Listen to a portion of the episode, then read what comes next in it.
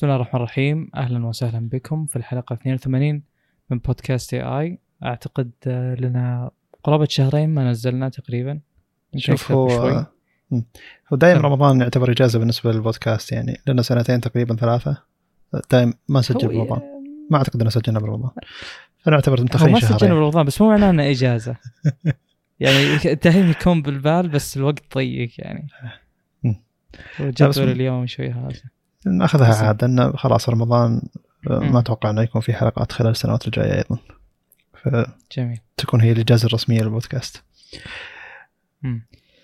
طيب في أخبار كثيرة؟ آه، ما أدري تبي تلخص ولا نبدأ بأول واحد؟ لا نبدأ نبدأ مباشرة. حلو. طيب أول شيء عندنا مؤتمر Apple Studio آه، في شيئين اساسيين بالمؤتمر في Mac Studio و Apple Studio Display صراحة يعني ما أدري طبعا هذا شيء جديد بالنسبة ل Apple اللي هو قطاع ستوديو أه ولا هو واضح موجه لإيش بالضبط لأن الاستوديو جاي بالنص في شيء أقوى منه وفي شيء أضعف منه أو يعني خلينا نقولها بطريقة أخرى. مثلا أه تعريف Microsoft ال Studio بال الاستوديو اللي نزلوه قبل إنه يعني يجي زي ال iMac كذا شاشة معها الجهاز كله. والكرت يكون فيه مثلا تحت الأشياء الكبيرة تحت يعني قاعدة الشاشة بينما باقي يعني قوة حقت الجهاز نفسه hardware كله يجي فوق. آه، فيعني يعني اسميا وتسويقيا هذا الشيء مو واضح وأظن أول مرة يصير. آه، لكن على كل حال هم منتجين. المنتج الأول اللي هو ال Mac Studio عبارة عن Mac mini بس إنه كذا حط اثنين فوق بعض تقريبا. آه المفروض إنه يكون أقوى ك computational power كقوة هاردويرية وأقوى من جميع النواحي ولا يعتبر entry level مثل ما يعني ما يعتبر آه، أول فئة أو أرخص شيء موجود مثل ما آه إن ال Mac mini هو يعني مثل ال MacBook Pro وال Air إن ال entry level باقي يعني الأجهزة عندهم فهو المفروض إنك تاخذ تحصل على P آه، C متكامل آه، يجي أقل من ال Mac Pro ومثل ما قلت أكبر من ال Mac mini. آه، يعني في في نقاط نقاشية subjective يعني تعتمد على وجهة النظر بشكل كبير ما تعتمد على الأرقام المذكورة لكن نذكر المواصفات على كل حال. المعالجات الموجودة هنا هم يوم أطلقوا الجهاز هذا في معالج جديد في معالج متوفر سابقا. أه ترتيب المعالجات حاليا في الام 1 أه اللي هو أضعف شيء في في اللابتوبات أو أجهزة الكمبيوتر عموما. الام 1 يجي بنسختين أه في نسخة تجي بسبع نواه ما خاب ظني للمعالج المعالج الرسومي هذا بال Air وفيه نسخة الثمان نواه الموجودة على ال MacBook Pro 13 اللي أول واحد نزل. ثم عندنا ال M 1 Pro وأيضا يجي باختلاف نسخ ثم عندنا M 1 Max ثم عندنا M 1 Ultra على ال Mac Studio هذا يجي M 1 Max و M 1 Ultra M 1 Max تكلمنا عنه سابقا. يجي على ال MacBook Pro ال 16 ما خاب ظني.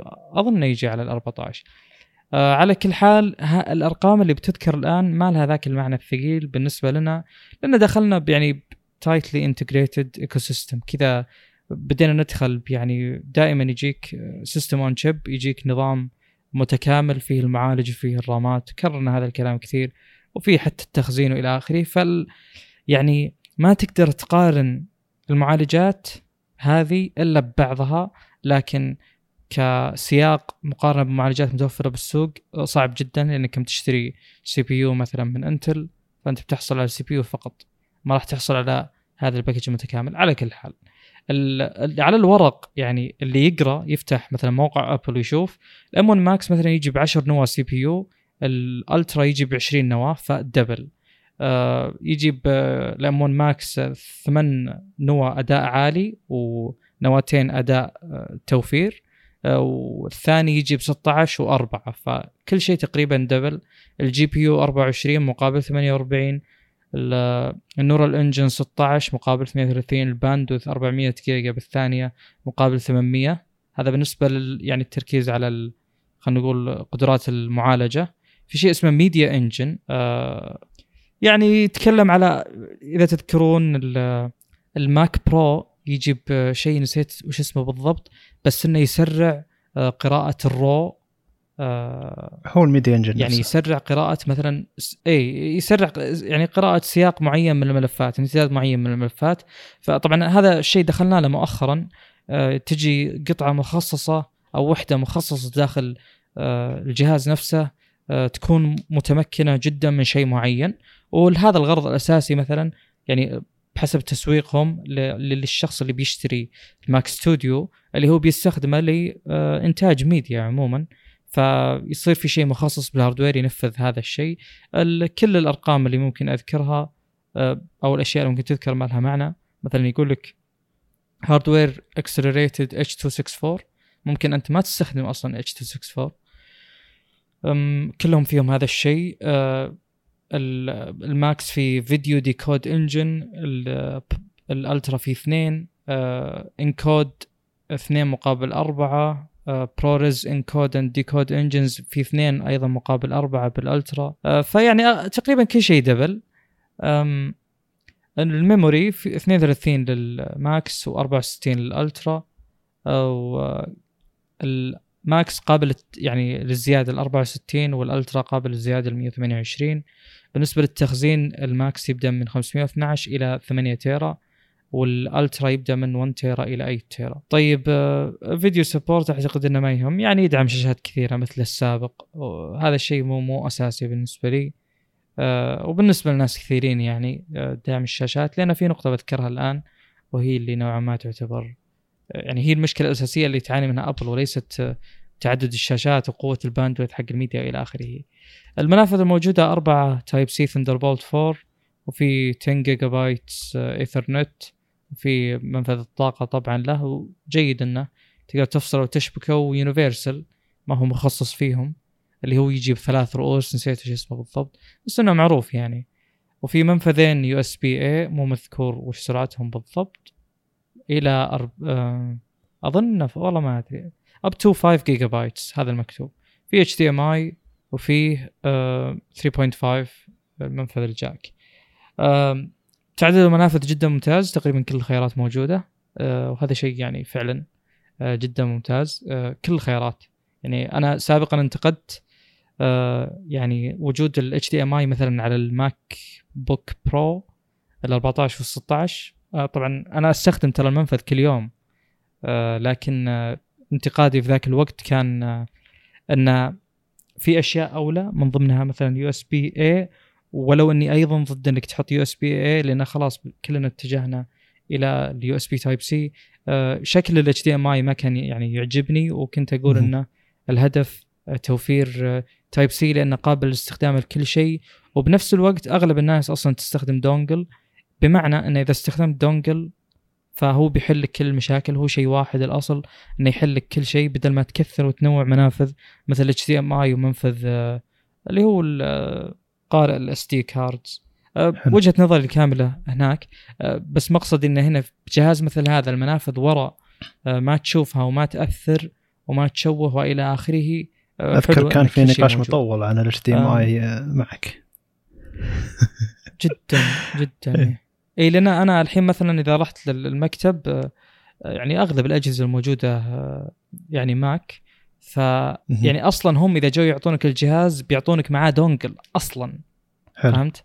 فالكل يستخدم dongle كل مكتب عليه dongle سواء حلو. مكتبك ولا مكتب غيرك مقصدي أنا إن يعني رجعة ال HDMI يعني أنت تشيلها بعدين إذا رجعتها تقول ترى رجعناها يعني أنا ما أظنها تخدم أي غرض خصوصا إن المنفذ خبر خبر مو متأكد إنه متواضع يعني أنا ما أدري بس أنا يعني ما أشوفها ميزة إنك تحط والله HDMI لأنه لحظة خلنا خلنا أوضح آه، وجهة النظر عشان ما حد ياخذ جزء من الكلام ويعتقد إن هذا تفكيري.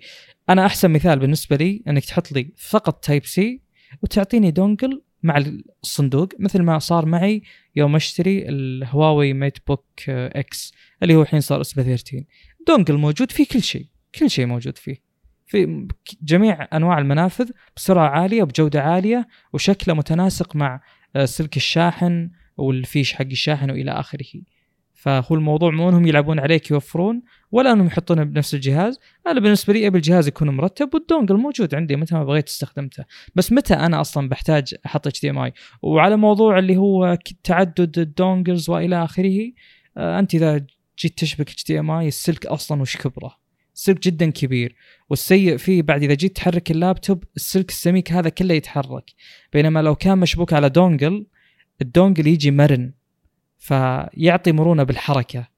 مو يعني شرح السالفة ذي صعب جدا بس المقصد إنه أنت تقدر تشبك dongle Type C نحيف جدا وتبعد شوي ال dongle عنك إذا كان له سلك طبعا وخلاص تشبك فيه كل شيء فيفضي يوسع عليك مساحة أحسن ما أنه يكون ال HDMI السميك الصعب الطوي والتحريك مشبوك مباشرة. أنا ما بيطول في الموضوع. حلو. ملخص وجهة نظري بخصوص ال Mac Studio. أنا يعني مدحت يعني من يوم Apple انتقلت إلى ال Apple Silicon وإلى آخره كنت يعني جدا معجب أنها أخذت السبق في هذا المجال وإلى آخره. آه، لكن كنت أقول دائما اللي بيأخذ Mac mini على السعر الممتاز وكذا يعني من أبرز ميزات وجود ال ARM processors على جهاز مثل كذا أنك البطارية ما تحتاج يعني ما تحتاج حجم كبير أو إن نفس الحجم يقعد معك فترة طويلة آه، نفس السعة. الشيء الثاني موضوع الحرارة والمراوح و يعني كفاءة التبريد أو احتياج إلى حل تبريد في الجهاز نفسه. فأنت الآن عندك جهاز لو صارت حرارته 100 ما راح يأثر عليك يمديهم يحطون مراوح كبيرة فيه آه، لأن الموضوع الحجم مو مؤرق جدا آه، إذا كبر الجهاز بسبب مراوح فما راح يزيد وزنه فما هو تريد اوف ما هو شيء كذا يعني في خسارة كبيرة. آه، يعني يعني محاولة تخفيف الجهاز ما راح تخليك تحاول تخفف حلول التبريد تحاول تخفف بعض المواد المستخدمة الأخرى. فالحين البطارية عندك أصلا ما في بطارية. والشيء الثاني مثل ما قلت حرارة ال Mac mini. أنت هو مو لابته هو تبي تحطه عند رجلك ولا شيء ولا تمسكه بيدك فبتحس بالحرارة فيه. فأنت ما راح تتفاعل معه مباشرة. فموضوع وجود آه مثل ما قلت سابقا Apple Silicon عليه يعني على application زي هذا أنا ما يعتبر بالنسبة لي شيء مشوق خصوصا إذا شفنا أن السعر يبدأ تقريبا من 2000 إلى 4000 لا أكثر يوصل 6000 7000 دولار. ما ودي أقول هذا الشيء اللي أنتم متوقعين اني بقوله الآن بس خيارات ال PC يعني متواجدة وبكثرة. أنا أعتقد أتصور ما راح يشتري هذا الجهاز إلا شخص يستخدم Final Cut Pro مثلا. لأن أعتقد إن أي استخدام آخر بيكون يعني أنت حر طبعا تبي تاخذه الله يوفقك ويعطيك خير ويكفيك شره بس انه ما هو أفضل طريقه ما هي أفضل طريقة ل يعني دفع الفلوس على شيء لإنتاج مثلا ميديا إلا إذا كان Final Cut Pro مثلا. أعتقد إن عندك آه، رد وعندك وجهة نظر أو بروح لل Studio Display وأربط الموضوعين ببعض. أسلم. لا أنا ما أدري بس أنا حجم الجهاز جميل التبريد حلو المنافذ المنافذ عجبتني ما هي ما عندي مشكلة فيها ابدا. آه، التصميم والطول حاطينها مباشرة. آه، يعني ارتفاع الجهاز بالضبط هو على ارتفاع الشاشة حقتهم. فبالتالي أساس إنك إذا تبي تحط الجهاز تحت الشاشة بالضبط ما راح يصادف إن الجهاز يكون يلمس الشاشة. آه، يعني هذا أحد الأشياء اللي فكروا فيها خلال التصميم. آه، وفي فكرة ثانية يعني. آه، يعني خلينا نشوف لو لو الحين أنت الأداء إلى يعني ما أدري شو اسمها بالعربي لكن في دايم في نقطة من ناحية إنك تدفع السعر لما تدفع سعر فوقه وفوقه وفوقه ما راح تلقى ذاك التغيير الكبير. فأعتقد إن ال MacBook Pro ال 14 و 16 إنش أو 14 و 16 إنش هي النقطة الجميلة والاستديو زي اللي صحيح إنه بيعطيك أداء أعلى علشان في تبريد أفضل بيعطيك أداء مستمر وتبريد جميل لكن ما راح يكون شيء هذا ملاحظه ف يعني في ناس قاعد يسوون شيء غريب وغالبيه الناس هذه في الصين قاعد تشتري ال MacBook Pro ال 14 إنش وال 16 إنش وتفصل الشاشة تبيع الشاشة لحالها وتستخدم الجهاز مع شاشة عادية بشكل مباشر. فهنا يكون وفر على نفسه keyboard و trackpad وبصمة. والجهاز صار فيه بطارية إذا كنت تبي تشغله بدون آه يعني طاقة مباشرة. التبريد فيه يعتبر نوعا ما جيد. المنافذ فيه تعتبر ممتازة. وبعت الشاشة تقريبا 250 دولار فطلع لك يعني سعر الجهاز يستاهل يعني. إذا كنت تفكر فيها انه ترى نفس المعالجات موجودة بالضبط وال keyboard والماوس بعد يعني في صورة جميلة يعني لحظة خلينا نرسلها لك. تغريدة للأشخاص اللي فكروا بالفكرة هذه يعني. وخلاص يعني صار شيء معروف انه في screen screenless MacBook Pros أو كذا. فهل إنك تاخذ MacBook Pro بأي معالج كان سواء ال Max ال Pro أو ال Max من دون ال Ultra, ال Ultra يعني هو double ال Max. أه، عشان تكون الفكرة واضحة ال M 1 لها اداء معروف إحنا تكلمنا عنه. ال M 1 Pro كانك اخذت اثنين M 1 شبكتهم ببعض وأعطاك double الاداء تقريبا.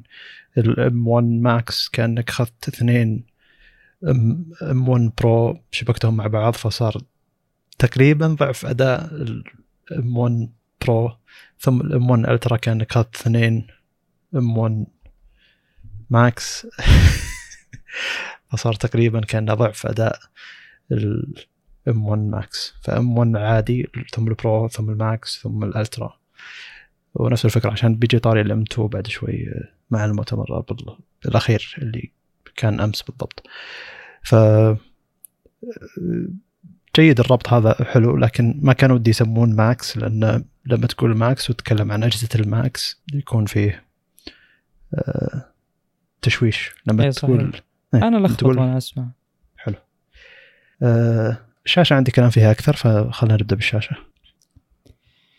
امم طيب آه، خلاص ممتاز نكمل الشاشة ثم نرجع لبعض النقاط إذا جاء وقتها بخصوص الشاشة مم.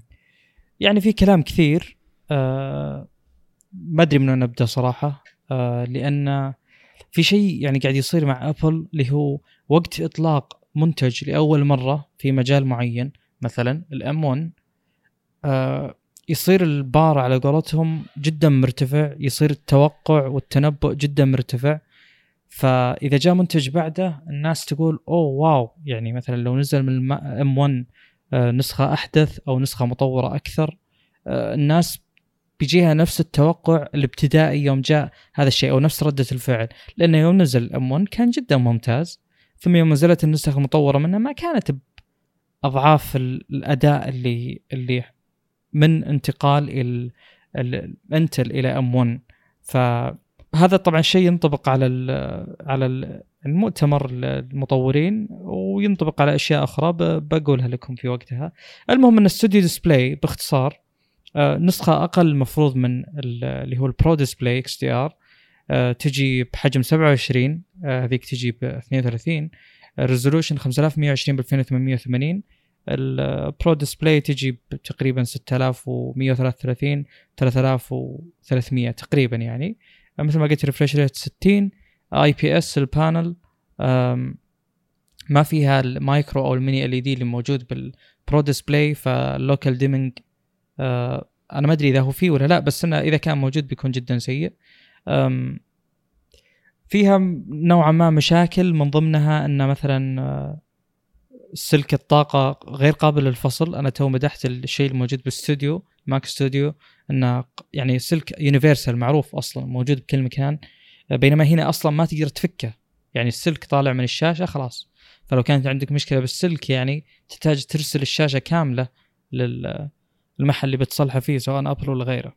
آه طيب شاشة بحواف أحد آه بس فيها ميزة. يعني أنا أحب ال boxy design. تصميم المربعي تماما الحواف الحادة. ال stand للأمانة شكله جميل. آه فتحات تبريد. آه ما في زي البرو ديسبلاي من الخلف يعني تجي بنفس الثيم الموجود فيها وبالماك برو. آه، لكن تصميمها جميل. فتحات علوية فيها أربع منافذ USB Type-C مثل اللي موجود بالبرو ديسبلاي آه، ما أعتقد في مواصفات أكثر تستحق الذكر. للتأكيد ما في local dimming آه، الشاشة ما فيها أصلا مواصفات كثير.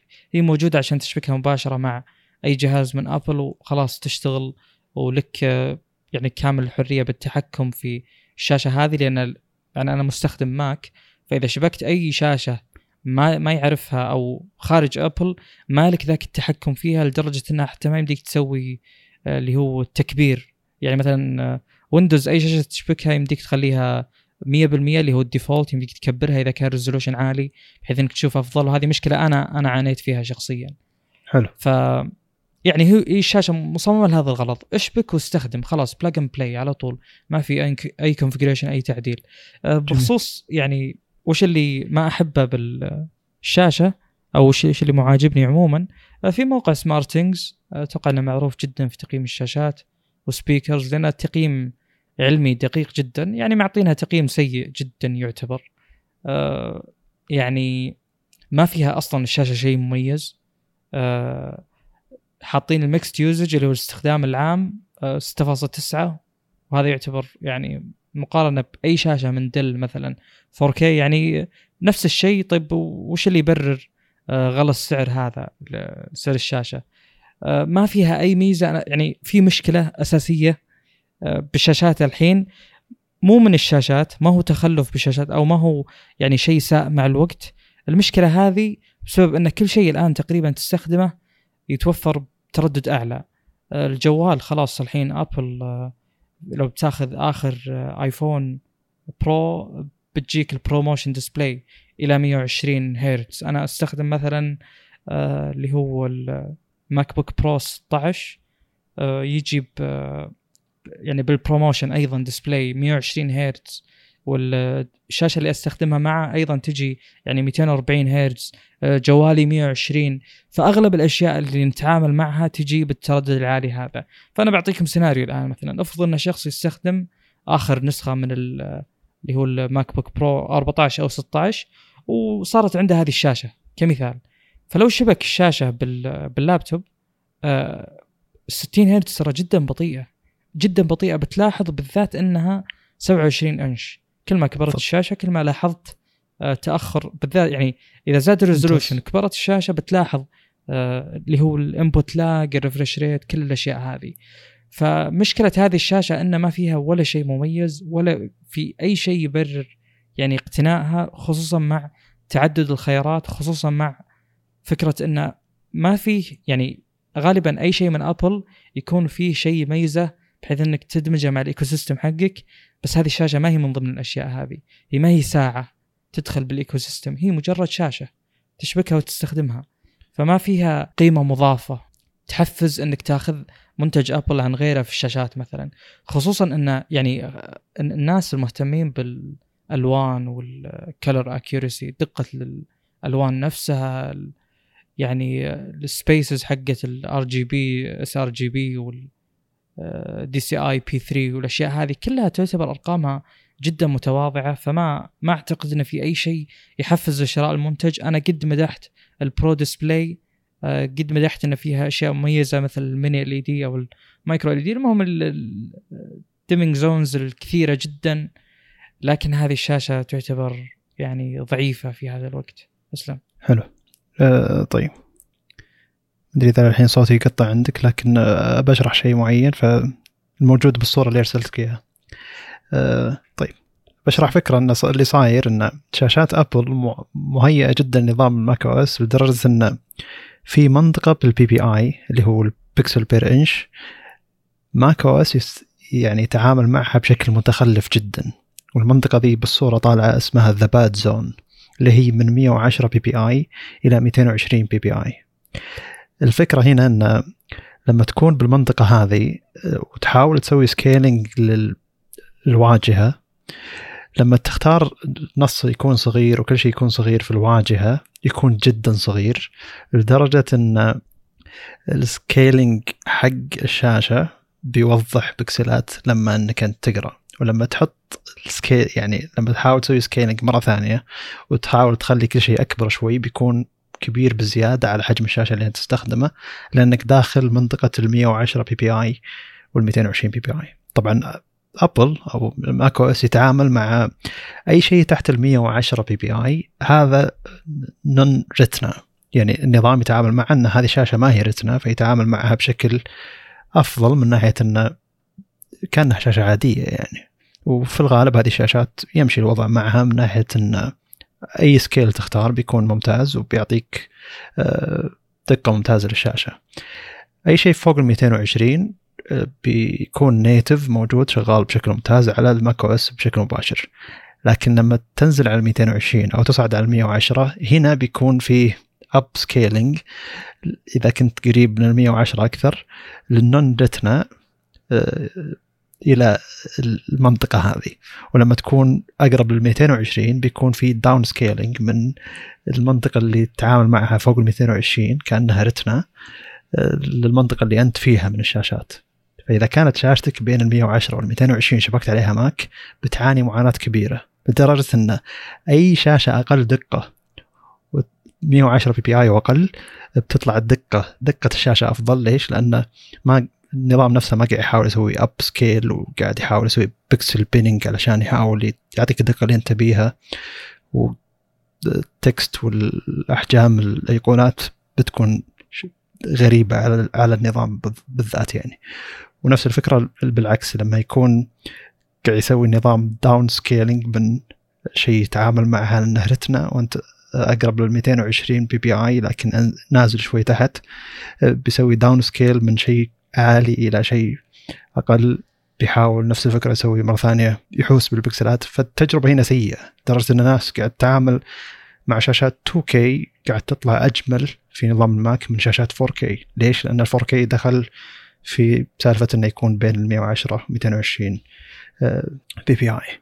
فعشان كذا دايم لما يقول لك إنه أوه شاشات أبل ممتازة على الماك تشتغل بشكل مباشر ومن الكلام هذا. لا أنت لازم تفهم وش صاير داخل النظام. النظام شلون يتعامل مع الشاشات بالذات الشاشات اللي تستخدم Thunder آه، bolt ف غريبة طريقة تعامل النظام مع الشاشات و... وفي مقال مطول إذا كنت تبي تقرأ المقال بكون إن شاء الله نحطه بالتفاصيل ولا بحسابنا على بحسابي أنا على تويتر. بخصوص هذه النقطة هي نفسها ذكرتها في موضوع إن في ويندوز عندك تحكم بالتكبير بينما إذا الشاشة ما يعرفها ماك بيقرر هو من نفسه. أنا أمر فيها فعليا أنا استخدم شاشة BenQ 32 إنش. مع اللي هو ال MacBook طبعا مو باختياري هذا الموجود بالمكتب مع اللي هو ال MacBook Pro 16 إنش. فيعني أكتشف إن أغلب الوقت أستخدم شاشة ال MacBook نفسها رغم إنها يعني أقل من نص الحجم 16 مقابل 32 طبعا هذا ال diagonal الحجم القطري اللي أصلا ما هو حسبة علمية اللي دائما انتقده فشاشة اللي هي 32 أكبر بكثير. آه، يعني قد تصل إلى ثلاث أضعاف إلا شوي. على كل حال ليش أستخدمها؟ بسبب كلهم نفس ال refresh rate بسبب إن اللي فوق Full HD اللي هي الشاشة الكبيرة آه، وال scaling جدا سيء يعني يكبر يعني هو فوق ما إنه Full HD يسوي zoom in فالنص يطلع تشوف ال pixels ات فيه آه، ما تقدر تشوف محتوى كثير بالشاشة نفسها. يعني ما يعني. نافذتين فقط جنب بعض آه، التنقل فيها و يعني جنبا إلى جنب مع سوء أصلا التحكم بالنوافذ بال macOS. يعني فالتجربه جدا سيئة. وأنت ذكرت لي قبل شوي خارج البودكاست اللي هو فكرة إنه يجي واحد يقول خذ شاشة أبل وبس وريح راسك يعني. الرد على هذا الكلام إنه أنت تحتاج standard اللي تمشي عليه أبل وليس شاشة من أبل. يعني أنت تقول إن ال 4K كتجربة سيء أه لأن ما هي ما عندهم أصلا 4K ما عندهم 4K على بعض الأحجام. standard عندهم 3200 في 4K ل iMac حق ال 24 إنش وال 20 إنش. امم الأحجام الصغيرة. طبعا أنا أشوف إنه يعني 4K على هذه على هذه الأحجام يعني نوعا ما مبالغ فيه. يعني 4K المفروض يبدأ من 32 إنش تقريبا. أه، أنا ما ما أقول إنه سيء أنا ما أقول إنه بيخرب التجربة لا بالعكس. بس إنه ما له ذاك الداعي يعني. أه، خصوصا إذا جاك لابتوب والله 13 إنش ولا زي ال XPS شاشته 4K وين 4K؟ يعني وش السيناريو اللي بحتاج فيه إني أضحي الكمية الهائلة من الطاقة هذه عشان كم بكسل حتى صعب علي إني أشوفه؟ تكلم على 13 إنش ترى جدا قليل يعني. إلى الآن الناس تستخدم تقريبا على 27 إنش 2K وحدة جدا ممتازة يعني. فنتكلم عن 27 انش يا جماعة ف يعني أنا أشوف إن السوق يحتاج يكون شوي آه، يعني أكثر آه، توازن من هذه الناحية آه، أدري إني استطردت بس آه، آه، لأنه فعلا فعلا مشكلة يعني ليش full HD أو 4K كذا مباشرة بدون مم. ال sweet spot اللي بينهم اللي تعطيك refresh rate ممتاز و في شركة توها متوازن لابتوب. يعني. في شركة توها منزله لابتوب بيصلح الكلام ذا أدري هي شطحة شوي لكن ASUS. Zenbook 14 الجديد شاشة OLED 2K يعني كذا فهمت اللي جايب جايبين لك.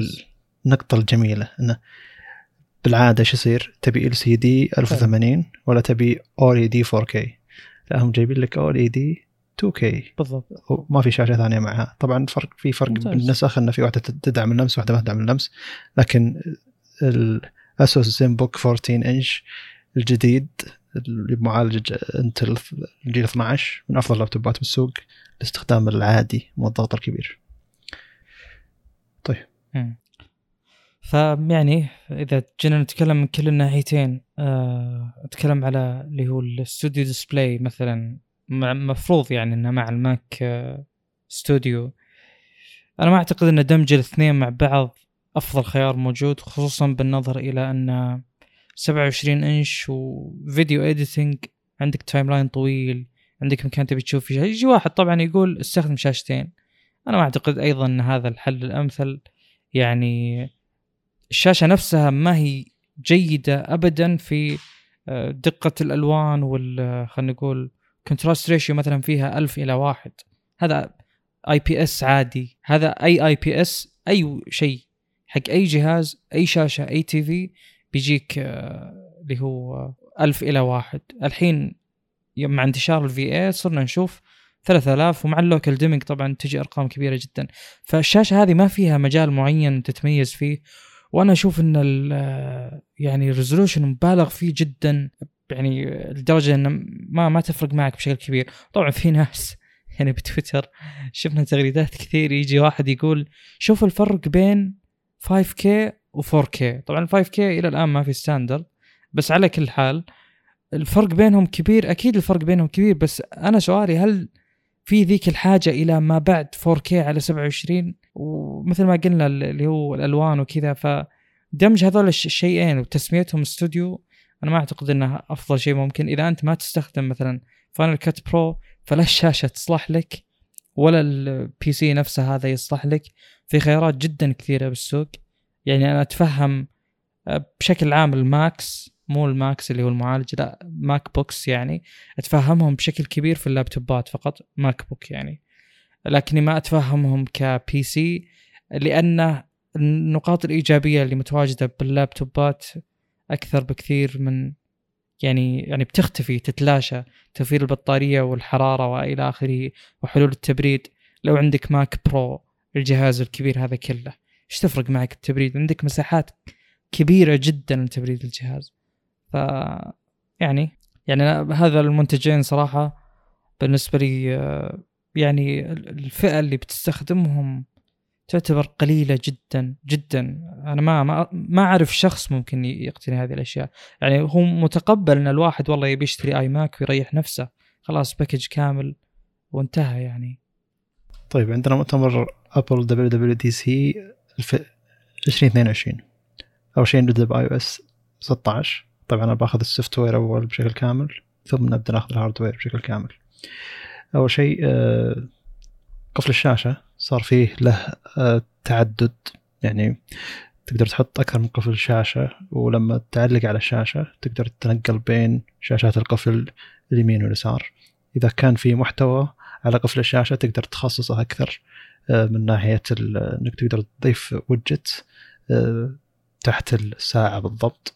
آه، إذا كان في أي محتوى في الصورة اللي أنت حاطها كخلفية لقفل الشاشة آه، بتقدر مثلا إذا كان في صورة طفلة أو صورة شخص أو صورة حيوان أو صورة جوال جهاز أي شيء مثلا آه، تقدر تعلق عليه وتنزله تحت ترفعه لفوق ولما ترفع الشخص هذا لفوق أو أي شيء بالصورة أنت محدده بتكون الساعة كذا بيكون الساعة تختفي شوي وراه يعني أساس شكل جمالي يعني.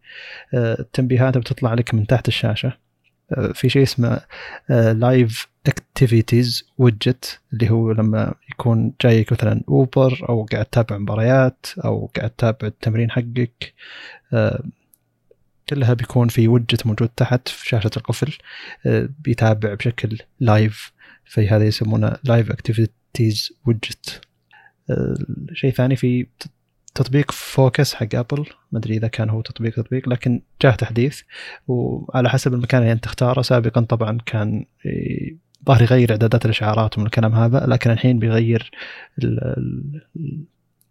واجهة القفل بيغير الوجس الموجود على القفل بيغير الخلفية اللي موجودة على شاشة القفل. فعلى حسب إذا أنت بالدوام بالبيت ولا بأي مكان خارج البيت آه، على حسب الأشياء اللي تختارها في تطبيق Focus بيغير الإشعارات وهل الجهاز صامت أو لا بيغير الخلفية لواجهه القفل بيغير وجهه واجهه القفل والاشياء هذه. آه، تطبيق iMessage جاء تحديث صرت تسوي تقدر تسوي undo أو تتراجع عن الرسالة اللي أنت رسلتها تقدر تعدل الرسالة اللي أنت ارسلتها ظهر في مدة معينة ما تقدر تعدلها إلى مدة طويلة. آه، تقدر تغير أي رسالة شفتها إلى أنك ما شفتها فتغير إنه إلى غير مقروء آه، إذا كنت أنت داخل على صورة وتبي ترسل جزء من الصورة هذه بدل ما تقص تروح تاخذ الصورة وتقص الموجود شيء موجود في الصورة سواء مثلا حيوان أو آه، بشر يعني. بالعادة أن الناس تبي تقص الصورة لحالها وتلغي الخلفية. الحين مجرد أنك تعلق على الشيء الموجود بالصورة النظام نفسه بيقص الصورة هذه آه، بتنتقل من تطبيق إلى تطبيق. أنت معلق على هذه الصورة. بينقل الصورة هذه بشكل مباشر يلغي الخلفية يستخدم خلفية سوداء وبيضاء ما أدري على حسب الإعداد اللي أنت حاطها يعني. Apple Wallet بيكون فيه آه، المفاتيح حقتك آه، مفاتيح بعض السيارات ومفاتيح البيت إذا كنت آه، مستخدم قفل ذكي للبيت يعني. المفاتيح هذه الحين صرت تقدر تسوي لها share فتقدر ترسلها للناس يستخدمونها بشكل مباشر. ما أدري معيار الأمان للشيء هذا هل هو جيد أو لا ما لي علم فيه. Apple آه، Pay صار فيه خدمة اسمها Apple Pay Later فاذا كنت حاط ال credit card حقتك موجودة أو حتى ال debit card آه، في في Apple Pay و جيت بتدفع Apple بتخيرك اذا كنت تبي تقسم الشيء اللي قاعد تدفعه هذه إلى أربع آه، دفعات خلال الأشهر الجاية. وأكيد بيكون عليها فوائد يعني مستحيل Apple تقدم الخدمة هذه كذا. حلو. الحين الإعداد للتحكم الأبوي آه، صار أسهل بكثير إنك تضيف جهاز جديد لأبنائك. آه، أبنائك بنفس الوقت يقدرون لما يرسلوا لك رسالة على iMessage إنه يحتاجون وقت إضافي مثلا لاستخدام شيء معين تقدر تعطيهم الإذن من تطبيق iMessage مباشرة ما يحتاج تدخل ال parent control عشان تقدر تغير. ال iCloud صار فيه share آه، library بالضبط يعني نفس فكرة Google Drive إذا كنت أرسلت ملف والملف هذا مشترك الكل يقدر يعدل على الملف هذا الكل يقدر يشارك الملف هذا. آه، فنفس فكرة Google Drive المشترك. هوم اب التطبيق حق الهوم آه، جاء واجهة جديدة آه، صار أذكى بكثير. بيكون أول شيء الكاميرات الموجودة عندك ثم لما تنزل بيروح من شيء إلى شيء تحكم بال غرف معينة والأشياء اللي فوق فيه يعني فيه آه، قائمة تسحبها لفوق لتحت ولما توصل على شيء فوق آه، تقدر تختار أشياء مخصصة التكييف أو الإضاءة أو الأمان يعني القفل أو ال TVs وال speakers الذكية الموجودة عندك في البيت. فلما تضغط على هذه يلغي الأشياء الباقية ويعني يصفي لك الشيء اللي أنت اخترته من فوق على أساس يكون البحث عن الشيء اللي تبيه أسهل. نروح ال CarPlay أول شيء صار ال CarPlay الحين آه، يستخدم كل شاشات السيارة مو بس الشاشة المربعة الموجودة آه، في في وسط السيارة. صار بعض بعض السيارات فيها شاشة على قدام السائق مثلا شاشات في الخلف. صار النظام يستخدم كل الشاشات هذه. صار النظام أصلا يعطيك عدادات تقدر تغيرها إذا كنت تحتاج تغيرها. صار بنفس النظام تقدر تغير تتحكم بالتكييف إذا كنت تبي. تقدر تحط وجت بأي مكان أنت تبيه. آه، ويعرض لك كل المعلومات اللي أنت تحتاجها آه، من الشاشة على النظام. آه، سواء استهلاك الوقود كمية البنزين الموجوده السرعة ال RPM إذا كانت السياره بنزين. وتقدر تغير تصاميم العدادات. عداد رقمي عداد analog مثلا. فزي اللي CarPlay توسع من كان شاشة على شاشة مربعه صغيرة إلى عدة شاشات. macOS Ventura اسمه Ventura الجديد. آه، أول شيء صار فيه شيء اسمه Stage Manager الفكرة هنا إنه آه، زي اللي window آه، management نوعا ما جديد. اللي هو الجزء اليسار من الشاشة صار فيه أكثر من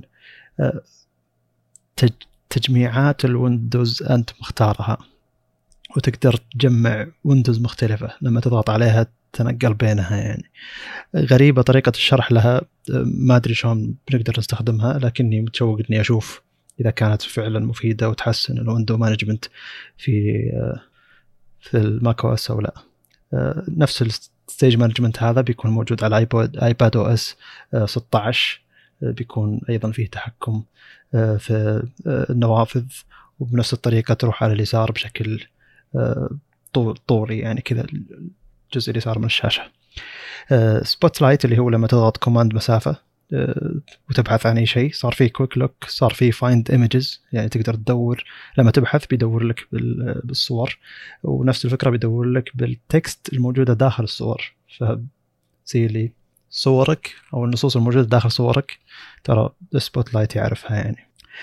سفاري آه، صار آه، جاه تحديث صار فيه shared tab groups فأنت الحين لما قاعد تبحث عن شيء معين أو قاعد مثلا قاعد تنسق سفرة مثلا وفاتح أنت tabs لكل الأماكن اللي ناوي تروح لها وقاعد تبحثون أماكن جديدة آه، مثلا فاتح آه، صفحة Google Maps الأشياء اللي أنت تحتاجها. آه، تقدر تشارك كل ال tabs هذه مع أصدقائك اللي ناويين يسافرون معك مثلا. ولما يدخلون هم بتشوف الأشخاص اللي داخلين على ال tabs بشكل مباشر. بنفس الوقت لما تضغط على أي tab أو تضغط على أصدقائك اللي داخلين على ال tabs هذه تقدر تكلمهم FaceTime تكلمهم iMessage بشكل مباشر. آه، آه، في شيء اسمه passkey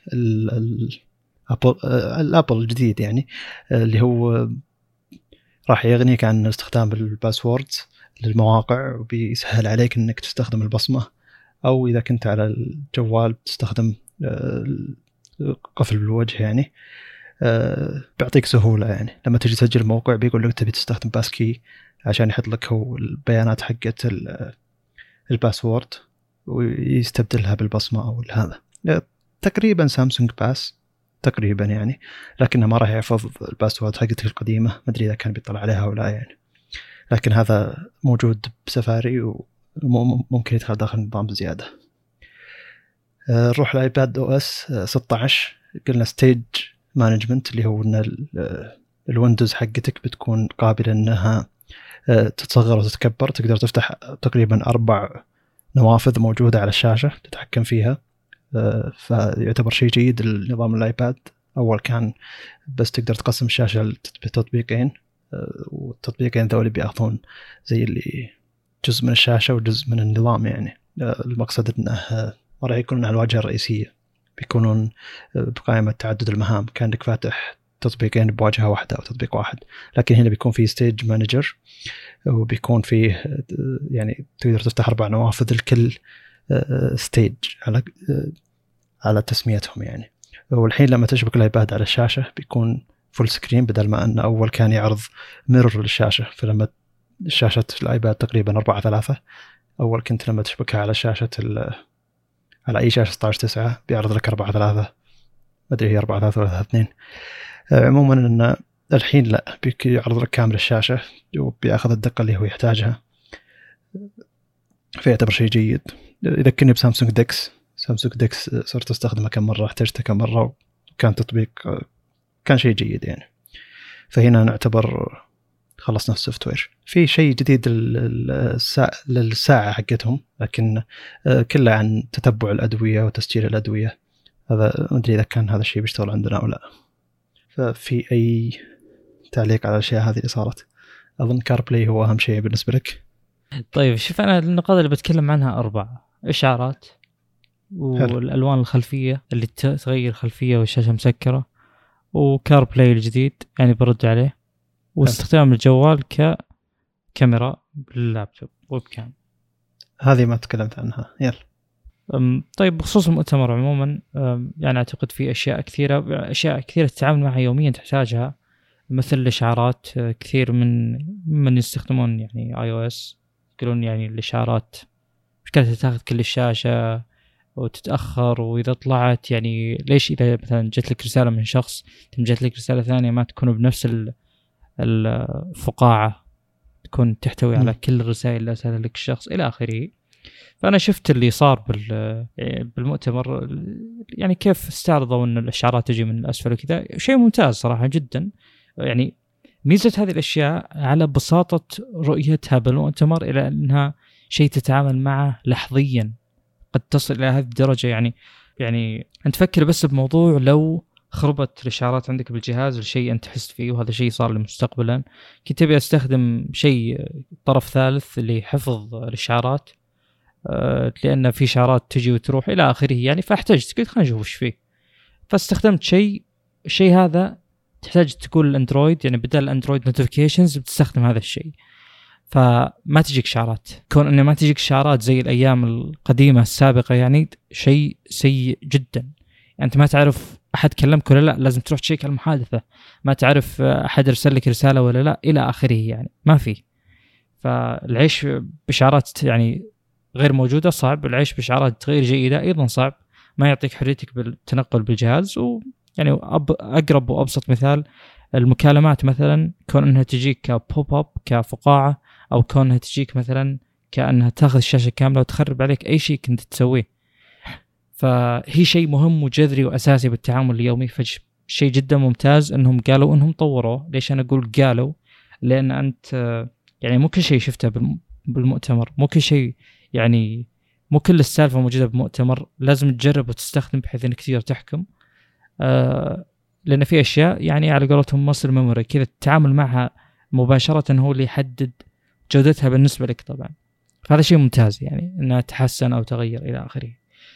آه طبعا متأخر أكيد إنه متأخر. آه وأنا ما أش... يعني ما أقول ان في مثال واحد يعتبر الأفضل ما أقول ان أندرويد أفضل. أنا بالنسبة لي أفضل إشعارات سامسونج على الإطلاق. آه، يعني أنا كلامي تو قلت إنه ما في شيء افضل أتكلم بالعموم. يعني أقصد ان حتى أندرويد داخله الشركات تنافس في من يقدم.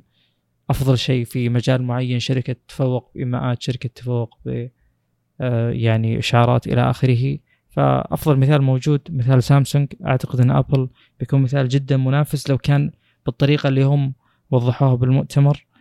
آه، حلو إن الاشعارات تكون صغيرة ما تأخذ كل شيء. يوم تجي رسالة من فلان الفلاني واسمه طويل ما يكون الإشعار كامل ثلاثة ارباع اسم فلان الفلاني.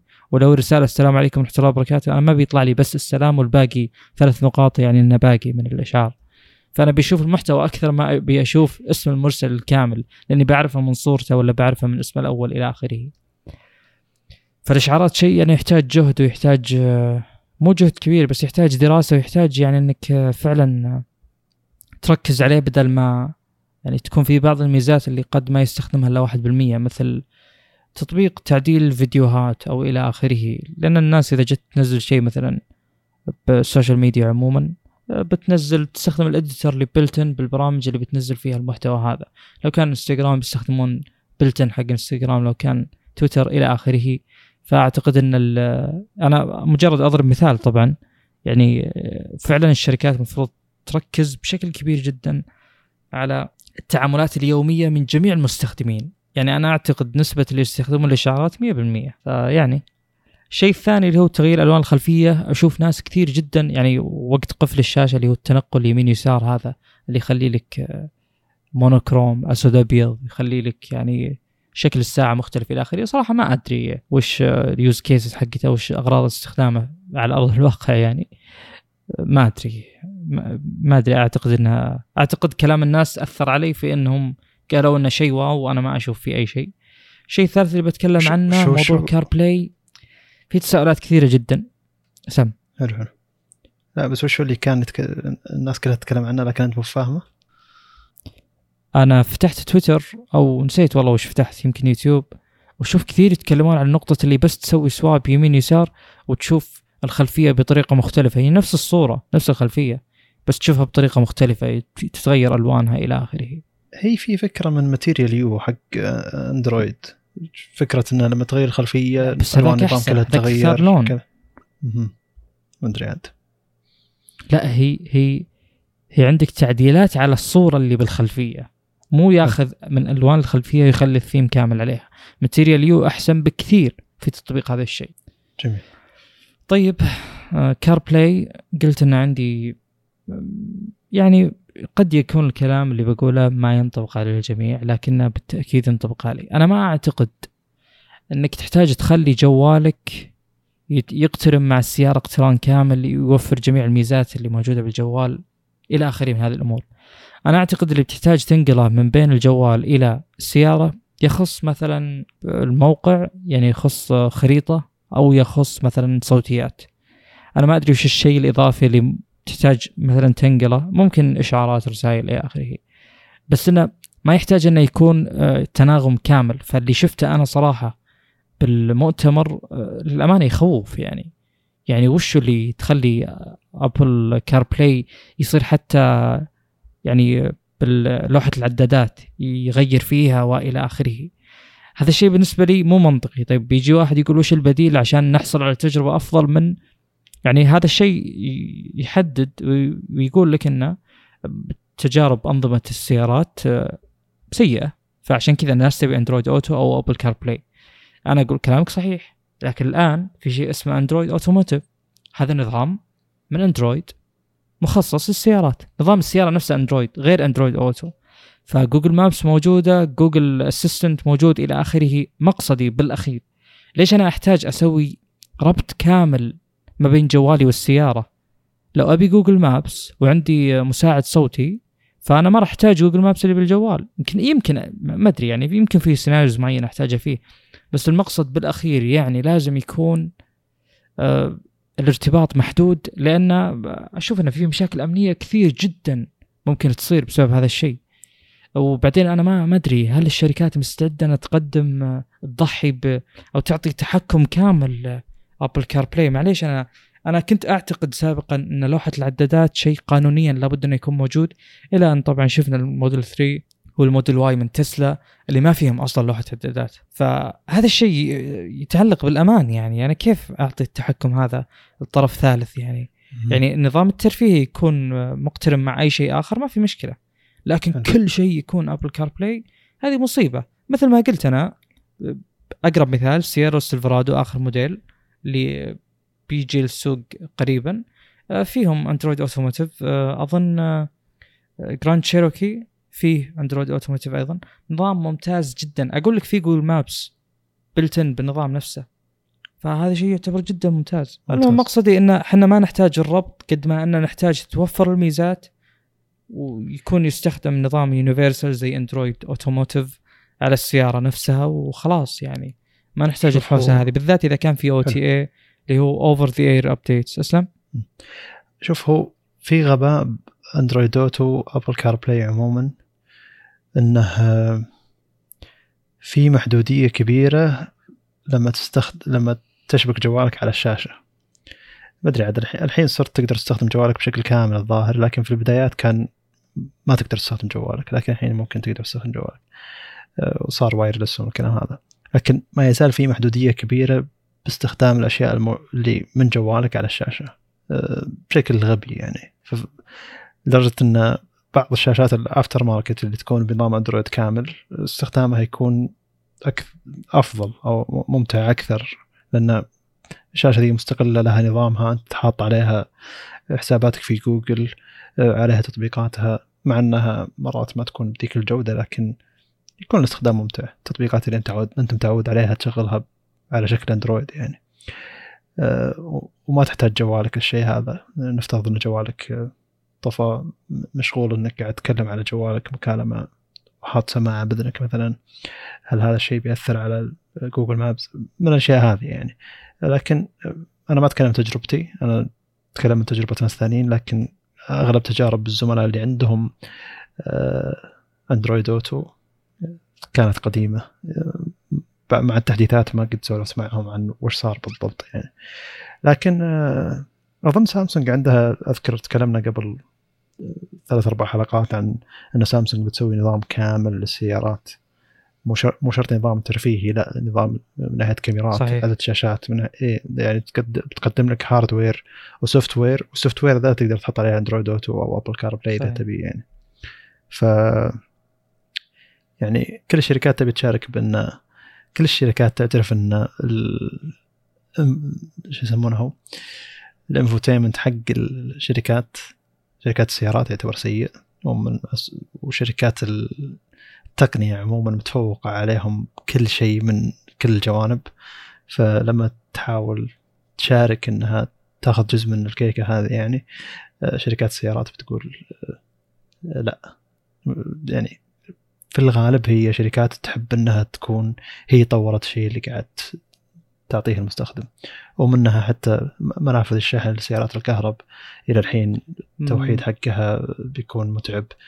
كل شركة بتقول أنا بسوي المنفذ حقي بسوي الشواحن حقتي. أقصد إنه من الكلام هذا إنه الانفوتيمنت حقي السيارة حقتي يعني التهديدات اللي بعطيها للمستخدمين أنا اللي بعطيها للمستخدمين مو أنت تعطيها للمستخدمين آه، زي كذا يعني. ف سوق يعتبر غريب وصعب تحكم إنه وين متوجه يعني.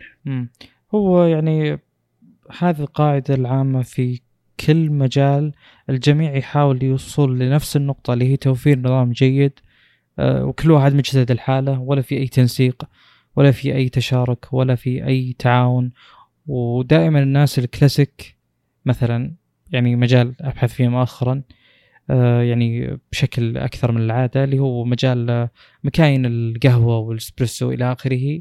فيهم احتقار يعني بشكل عام الكلاسيك ذول الإيطاليين تحديدا. فيهم احتقار كبير لأي قطعة تقنية فتلقى الشاشة حتى تلقى ال- ماكينة الإسبريسو نفسها يعني يا دوب فيها شاشة وإذا فيها شاشة تعلق ويعني الماكينة يجيك سعرها فلكي جدا 15000 30000 100000 ريال ولا فيها يعني بعض الأمور آه، السوفتويرية اللي ممكن تسهل الاستخدام بشكل كبير آه، بسبب مثلا وجهات نظر. فأنا أعتقد اللي يسوون سيارات فيهم المهندسين الميكانيكيين وإلى آخره تحديدا فيهم نفس وجهة النظر اللي هو إنه يعني وشو ترى مجرد نظام. إحنا مجتهدين مسوين suspension شاصي إلى آخره نظام إضاءة. فيعني يعت- للحين يعتبرون بعضهم آه، نظام الترفيه بالسيارة complementary كذا شيء إضافي. آه، ما هو شيء أساسي يتعامل معه صاحب المركبة يعني في كل مشوار. فهذه المشكلة تحديدا. آه، وإذا يعني تضافرت الجهود أكيد بيطلع شيء أفضل. بس من يقول إنهم مستعدين يجلسون على طاولة واحدة يتفقون يعني. أشوف إنه شيء صعب جدا خصوصا في التفاوت ما بين الشركات اللي مستعدة تتعامل مع third party مع طرف. ثالث يطور لها والشركات اللي تشوف هذا الشيء عار آه، خصوصا اللي مبيعاتها قليلة جدا الشركات الكلاسيكية القديمة جدا. اللي تجيك تجارب الأنظمة فيها يعني واضح إنها مو beta alpha.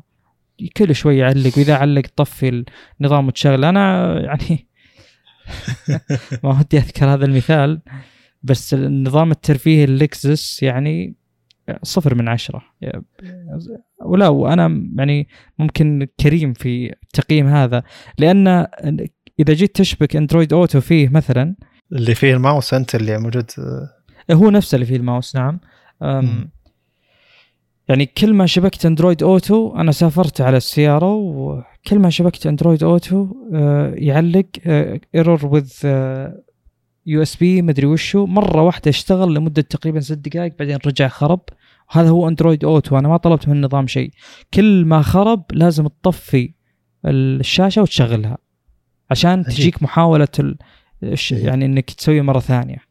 طبعا هم حلو. الآن عندهم نظام جديد ويبدو إنه خرافي جدا. هو نفس الموجود على التندرا الجديد والسيكويا وال LX ما خاب ظني. فإن شاء الله إنه يكون ذا تجربة ممتازة. أظن Linux based إي صح. Linux based مبني على Linux فمبني على شيء جديد يعني شيء أو شيء يتحدث وجيد امنيا وإلى آخره. وفي آخر نقطة اللي هي استخدام الآيفون نفسه ك webcam. آه أنا شفت آه يعني شفت أجزاء مقتطعة من المؤتمر نفسه. تقدر تاخذ الآيفون وت... تستخدمه ك webcam. اللي ضحكني إنه هم الآن بنفس ال MacBook Air الجديد آه، نزلوا اللي هو يعني الكاميرا الجديدة النتوء الجديد. لكن آه، يعني أضافوا ميزة إنك والله تقدر تستخدم الجوال ك webcam. اعترافا أن ال webcams بدقة ضعيفة جدا لسبب غير معلوم بسبب يعني آه، ليش السبب غير معلوم؟ لأن اللابتوبات فيها كل الإمكانيات اللي تقدر تخلي فيها كاميرا ممتازة. أنا ما أهتم بهذا الشيء. بس ليش تحط لي نتو؟ يعني على الأقل المفروض الضريبة المقابلة يعني الشيء اللي يعني أنا خسرت النتوء القبيح هذا خسرت إنه يكون موجود المفروض تجيني جودة آه، كاميرا ممتازة أو كاميرتين حتى أو ثلاث أو إلى آخره بس أحسن من الشيء الموجود. فهم بنفس الوقت قالوا لك إنك تقدر تستخدم الآيفون آه ككاميرا. عاد شوف ال holder حقه بكم اللي يمسك الآيفون بمكانه. آه المقصد إنه اظن ما هو تبع أبل ترى أظنه تبع آه شو اسمه شركة ثانية قد يكون. واحدة من الشركات اللي تسوي اكسسوارات الابل امم حلو. على كل حال يعني شيء جيد إنك تقدر تستخدم الجوال. ما أدري عن الربط وكذا. أتوقع إنه ممتاز اذا كل الاجهزه من أبل. أم. شوف الفكرة الجميلة من الشيء هذا انه يستخدم الماج سيف اللي هو اللصق يعني أو المغناطيس إيه. الموجود بالآيفون. وتقدر تشبكه على فوق جهازك من القواعد اللي هم مختارينها مع الشركة حقتهم هذه. والشيء الثاني انه لما يكون جهازك الآيفون فيه ألترا وايد بياخذ الزاوية اللي أيه. تحت ويعرض آه، زي اللي توب top down يسمونه shot يعني كذا صورة من فوق للشيء اللي صاير آه، على الطاولة حقتك. إذا كان ما أدري في الغالب إذا كان معك MacBook بيكون آه، ال keyboard حقك لكن إذا كان قاعد تستخدم ال iMac ولا إذا كنت قاعد تستخدم جهاز Mac مع شاشة وحط وحط وحط الجوال فوق الشاشة بيعرض وش وش موجود على الطاولة حقتك بنفس الوقت. م. وتقدر تختار زاويتين زاويه تقدر تطلع زاويتين من نفس الجهاز اللي هو الزاوية ال wide العادية اللي هو طالع فيها أنت. وال ultra wide بتاخذ الجزء اللي تحت. ما أدري عاد الجودة اللي بتكون هذا لكن الفكرة جميلة صراحة نوعا ما مبهرة آه، من ناحية ال top down shot هذه يعني. استغلال ال ultra wide بأنها تطلع زاوية ثانية. ما أدري إذا كانت بجودة العرض اللي هم حطوها يعني. أم في واحد من اليوتيوبرز يعني جدا مبهر وللأمانة كلنا يعني مبهرين إذا كان فعلا يعني هو منبهر بس يقول أنا أنتظر يعني وقت ما أستخدمها وأشوف قد إيش هي فعالة آه، لأن يعني أنت يوم تستخدم مثلا لو كانت السيارة عندك فيها كاميرات لجميع الزوايا يسمونها 360 كاميراز آه فتقول أوه خلاص يعني أنا الحين كأني فاتح لعبة مثلا وأقدر أتحرك بالسيارة وأشوف كل الأطراف ولا احتاج حتى التفت برا. لكن الواقع يقول لا يعني يوم تجي تستخدمها بأرض الواقع تكتشف إنه مو مجرد وجود 360 كاميرا يكفي تكتشف إن في شركات اتجهت إلى إنها توفر hardware أكثر توفر أكثر من أربع كاميرات. في شركات ال hard ال software فيها جدا ممتاز بحيث إنها تقدر تلتقط زوايا بعيدة جدا. آه، حجم السيارة أبعادها ارتفاعها يلعب دور كبير. يعني مثلا أعرف أحد الأشخاص يستخدم سيارة السيارة هذه من سوء 360 كاميرا يقول ما أناظره أصلا لأنه ما يفيدني ابدا.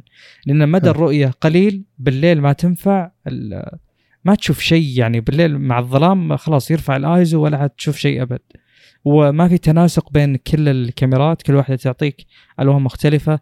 فنفس المثال أنا أقوله هنا هي على أرض الواقع المفروض إنها ممتازة بس ما تدري اولا قد إيش ال software جيد في إنه يحاول يخلي لك الصورة طبيعية وقد إيش الآيفون يقدر يلتقط من بيانات يعني.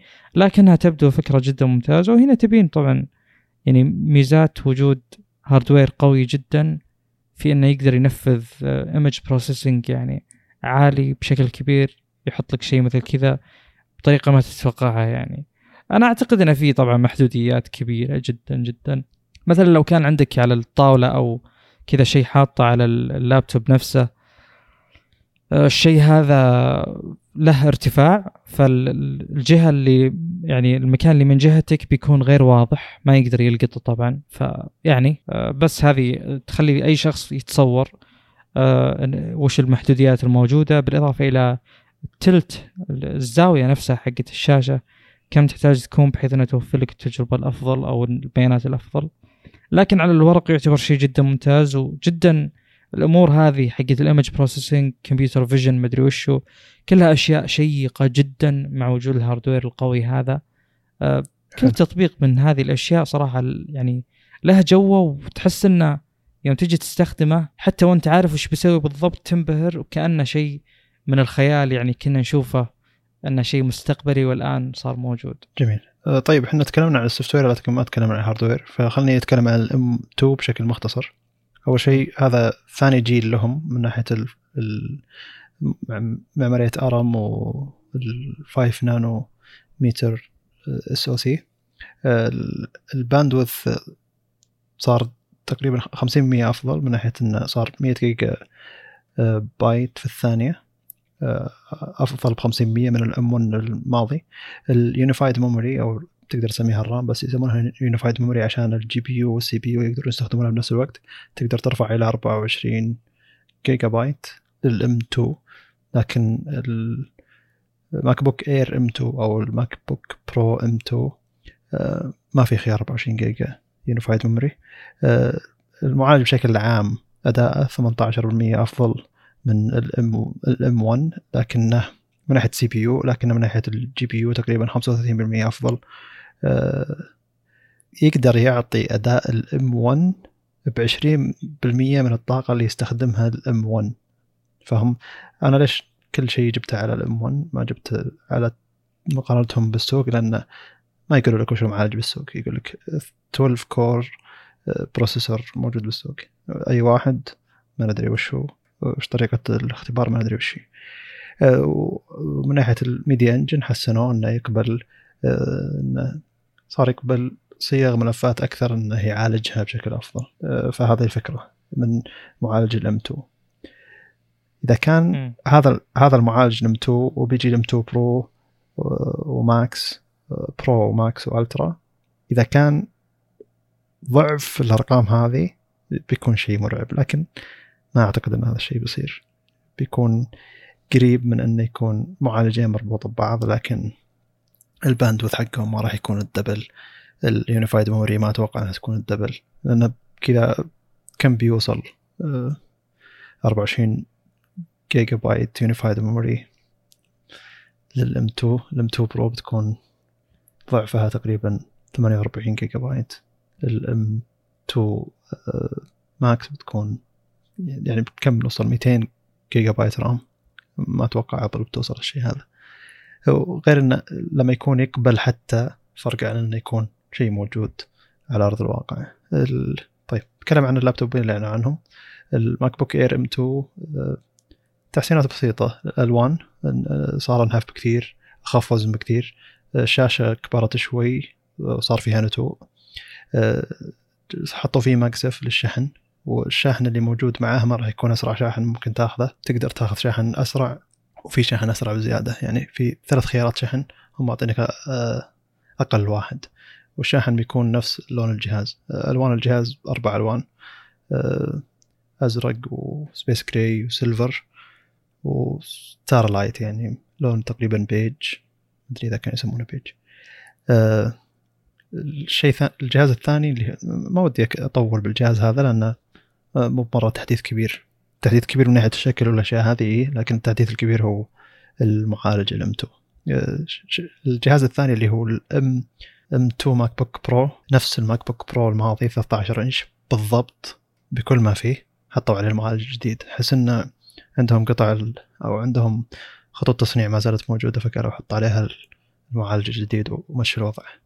آه، شاشة ال M2 MacBook Air جديد أفضل من ناحية الإضاءة فقط من من الشاشة الماضية. والحجم أفضل لأنه بس أخذوا جزء من الشاشة اللي فوق أو من الفراغ اللي فوق وحطوا نتوه هذا كل اللي بالجهازين إي نعم. أنا بتعليقي شوي مغاير ما راح أركز على النقاط. وش فرق؟ أنا بركز على انه دائما إذا جبنا طاري ARM processors نقول إنه على طبعا نظام متكامل نقول انه ال optimization والى آخره من الأمور هذه حق التوافق وكذا. فأنا أعتقد يعني التطوير هذا ما راح يكون محسوب يعني للشخص اللي بيدخل بيشتري ARM processors أي من ARM processors يعني اقتناء ال M1 لو كان بسعر ممتاز بيكون أفضل آه، لأن إحنا ما نجادل قد إيش بيكون ال ARM processor قوي قد ما ان نجادل هل الدعم موجود. فأنت بمجرد وجود M1 عندك الآن ومع وجود الجيل الثاني المحفز أكثر لأي مطور إنه يطور لشيء يعني شيء يكون optimized لل ARM processors يعني أنت تحصل على تحديثات وأشياء تتحسن أكثر وأكثر الآن وأنت عندك الجيل الماضي. أنا ما أعتقد يعني يوم نزلت ال MacBook Pro وال Air 13 كلهم آه يعني هناك كانت النقلة اللي إلى الآن لا زلنا نحس فيها ولا زالت هي الأبرز ف جميل. يعني أنا ما إحنا وصلنا لمرحلة إن أبل تبي تقارن M2 ب M1 وأنا أعتقد إن القوة المذكورة والأشياء ذي كلها ما هي ما هي بذيك الفرق المبهر اللي طبعا هي آه، هو صعب إنك تجيب فرق مبهر لكن. بنفس الوقت أنا بوضح انه لا زال خيار أم 1 يعتبر خيار ممتاز لأنك بتحصل على دعم. يعني أي شيء بيضاف يصير آه، يعني مدعوم من يعني مثلا أي تطبيق يضاف إلى السوق بيكون آه، ما يحتاج emulator بيكون يفيدك يا اللي تمتلك M1 ف يعني انتقال من M1 ل M2 يعتبر لأي شخص آه، ما يسوى غالبا. آه، إيه، الدلالة على ذلك يشتري الشيء اللي سوته أبل نفسها يعني. الشركة ترى ما وقفت ال M1 MacBook Air وزودت إيه. سعر 200 دولار وقالت آه. انه اللي يبي ب 1000 دولار في ال MacBook Air العادي اللي يبي الشيء الأجدد ب 1200 دولار. اي طبعا أنا ما أتكلم عن ال Air أكثر شيء قد ما أتكلم عن MacBook Pro 13 إنش. لا يزال ال M1 خيار. ما أنا هو كم من 2020 تذكر عز كورونا. نزل؟ نهاية نهاية 2020 بالضبط. يعني لا يزال خيار ممتاز جدا لأي شخص يفكر يقتني خصوصا لو حصل عليه بسعر ممتاز. لا يزال إلى الآن. من تجربتي الشخصية. اي أنت مجرب وأنا عندي المفروض أنا أتكلم بالعموم على فكرة انه يعني ما راح تحصل على شيء جدا كبير في الجيل الجديد. هو أقوى فعليا بس إنه قليل من المستخدمين اللي يوصل حدود القوة ويبي أكثر يعني بشكل عام. حلو. آه لأنه هو في أصلا الام 1 يعني هو فعليا لا يزال الانتقال الأقوى اللي اللي يعني كنا متحمسين له من فترة طويلة. حلو. وبهذا ترى يجي خبر ثاني موجود عندنا خلينا ننتقل له مباشرة. إن مايكروسوفت أطلقت شيء اسمه Project Volterra اللي هو جهاز المطورين لتطوير تطبيقات تطبيقاتهم لمعالجة ARM. الفكرة هنا إن الجهاز ينباع هنا بأدوات وفرتها مايكروسوفت الأدوات ذي تدعم عملية ARM على أساس إن المطور ما يحتاج يروح يدور أدوات تدعم عملية ARM. فما أدري الفكرة. هل الأدوات اللي وفرتها مايكروسوفت لتطوير تطبيقات على ويندوز لمعمارية ARM ما هي متوفرة بشكل عام لازم تشتري الجهاز هذا؟ ولا هل هي موجودة أصلا؟ إذا كنت تبي الشيء هذا تبي تطور لمعمارية ARM يعني. شيء يعتبر غريب. مايكروسوفت ما أدري إيش قاعد تسوي وأبل مرة سابقتها في المجال هذا بالذات يعني. ف أتمنى أن Project ارا رغم أن Project Volterra رغم أنه متأخر نتمنى انه يعني إن شاء الله. يحرك السوق شوي وتوجه ابل ونجاحها النجاح حقها الواضح في المجال هذا يجبر بقية الشركات أنها تحاول تسوي شيء لأن. نجاح واضح واضح هنا المفروض المفروض بشكل كبير جدا إنه يعني خلاص شوفوا هذه use case قدامكم هذه تجربة حقيقية. يعني هذا الشيء ناجح جدا وعدد الداعمين في مجال ويندوز أكبر بكثير من اللي موجود بأبل. أبل هي اللي تسوي بالأخير النظام والعتاد بينما أنت في ويندوز عندك شركات كثيرة تدعم عندك انتل بكبرها و AMD بكبرها ممكن تدعم هذا الشيء. أو حتى كوالكوم آه، اللي أصلا موجودة already اللي هو ال 8cx واللي نزلوهم سابقا يعني. فالمقصد انه في عقول كثيرة تفكر بويندوز أكثر بكثير اللي موجود بأبل فالمفروض إن تجربة ويندوز أصلا تكون أحسن. المفروض. لكن تعودنا من مايكروسوفت إنها يعني صعبة التغيير. آه، يعني أندرويد اولا ثم أبل يعني عموما. ثانيا في تقبل الأشياء الجديدة هذه والانتقال لها والمرونة يعني. لكن ننتظر ونشوف ما ندري. يعني مو معناه إن ابل سابقه الحين ممكن تكون سابقه لوقت طويل أو للأبد يعني هو الموضوع يحتاج استثمار ودفع فلوس صحيح. في الأخير. غير حرب المعالجات اللي صايرة بعالم x86 أصلا يعني ممكن الحرب ذي تتسارع لدرجة إنه يكون الأداء هناك خرافي بغض النظر عن الأداء مقابل الواطات يعني. آه طيب ننتقل للمعالجات MediaTek Dimensity 9000 و 8100 آه أطلقتها يعني تقريبا بداية السنة لكن الحين صار في أجهزة متوفرة بالمعالجات هذه منها ال Redmi كيف K50 الظاهر أو K K50 Pro نسيت أي واحد فيهم بالضبط وال Realme GT Neo 3 وال OnePlus Ace أو ال OnePlus 10R على حسب أنت بأي مكان عشان تقدر تسميه بأي شيء تبيه. آه طيب. نبي نتكلم عن أول شيء وش 9000 هو أفضل من 8100 وأفضل من ناحية إنه آه، يستخدم معماري يستخدم 4 نانو متر بدل 5 نانو متر. شيء ثاني إنه آه، جاب اداء اعلى بانتوتو اعلى اعلى بكثير يعني بشكل مو بسيط.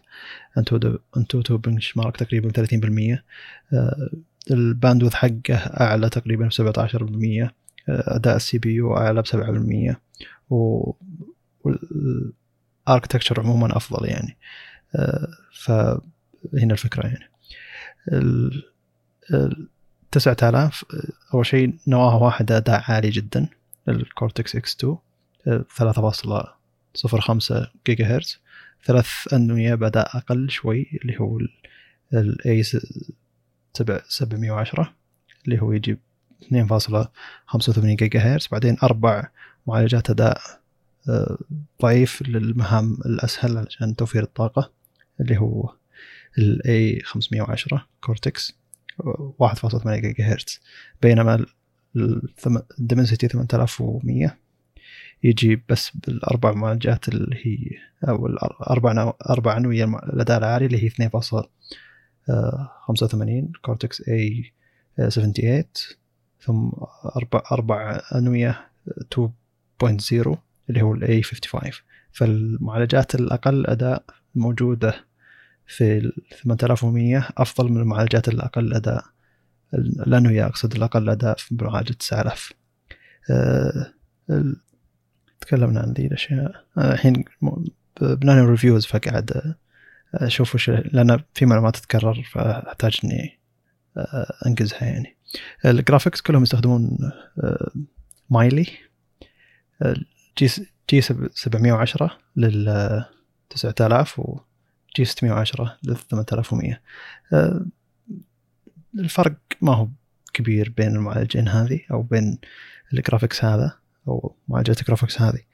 آه، الفرق الأقوى اللي هو موجود في الذاكرة أو الرام 9000 يتقبل إلى البي دي دي آر 5 إكس لكن ال5 العادي ل 8000 يتقبل إلى 3750 ميجا هرتز ال 9000 لكن 3200 ميجا هرتز لل 8100 أه ما نبي نتكلم عن أشياء زيادة كل الأشياء الباقية انه يدعم ال LTE بلوتوث 5.3 كلهم يدعمون الأشياء هذه.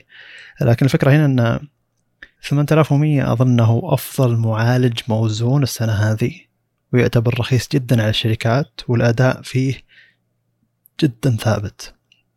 شفت تجارب للحرارة بالذات على أجهزة كثيرة 888 حق السنة الماضية الايد جن 1 السنة هذه 9000 و 8100 8100 هو أكثر معالج مستقر. صحيح إنه ما يعطي أفضل أداء من البداية لكن الأداء هذا يثبت عليه فترة طويلة جدا. غير إن صرفية الطاقة مقابل كل المعالجات اللي قاعد تقارن فيه جدا ضعيفة. يعني ما يصرف من الطاقة شيء. وقريب جدا من صرفية الطاقة لمعالجات أبل. ف إذا شفت جهاز معالج MediaTek 800 8100 ممكن يثير فضولي بالنسبة بالنسبة لي شخصيا إني ودي أشوف 5000 ملي امبير أو 4500 ملي امبير على جهاز زي هذا بأي مواصفات ثانية أو على معالج زي هذا بأي مواصفات ثانية. هل هو يعطي بشكل واقعي آه، بطارية أفضل من معالجات قاعد تصرف طاقة أعلى أو قاعد تعطي تصرف فيها حرارة أكثر بالذات يعني. فالمعالج هذا أثار فضولي اللي هو 8100 وأول مرة يثير فضولي معالج أدنى من المعالج الأعلى. نفس ما سناب دراجون 870 كان من أفضل معالجات السنة الماضية وإلى الحين الاجهزه اللي تستخدم الاجهزه اللي تستخدم المعالج هذا من أفضل من أفضل الأجهزة الموجودة بالسوق لدرجة إن شاومي 12 إكس اللي هو النسخة الأقل من 12 تستخدم 870 وجهاز صغير لأن صدقني إن أداء البطارية بالمعالج هذا والجهاز هذا رغم إنه أصغر أصغر بطارية بيعطي أداء أفضل. لأن استقرار المعالج 870 استقرار يعتبر مبهر يعني. فممكن ممكن الجهاز القادم بمعالج 8100 Dimensity مع انه مع أن أندرويد تحس انه مع Qualcomm يشتغل أحسن يعني. صحيح. يعني هو يعني الأداء شيء واستقرار الأداء شيء وال اللي هو يعني يعني وسائل الاتصال فيه واي فاي بيانات إلى آخره شيء يعني التقاط الشبكة بالأماكن البعيدة شيء ف هي كلها تساهم في انك إنها تعطيك تجربة سواء اسوء ولا أفضل ف دائما أقول ان من الأشياء صعب الحكم عليها لازم تجرب. للأسف كل ما قلت أنا طلعت من كوالكم يعني أواجه تجربة أسوأ لكن هذا الشيء قد لا يكون صحيح. أنا ما أجرب جوال كل ثلاث أيام. أنا يعني أقتني الجهاز أشتريه بنفسي أستخدمه فتره طويلة فصعب الحكم لكن أكيد إنه شيء ممتاز. أكيد بلا ادنى شك انه شيء ممتاز إنه يعني تتطور بشكل أكبر MediaTek. حلو.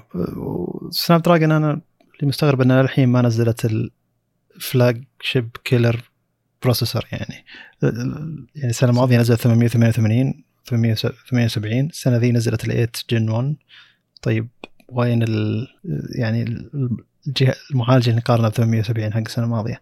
مع إن مع إن الشركة Snapdragon بالذات المعالجات المتوسطة أو يعني نوعا ما أي معالج غير المعالج الرائد ترى الدورة حقته سنتين مو سنة واحدة. فمعالج مثل 778 هو شيء زي كذا 78G.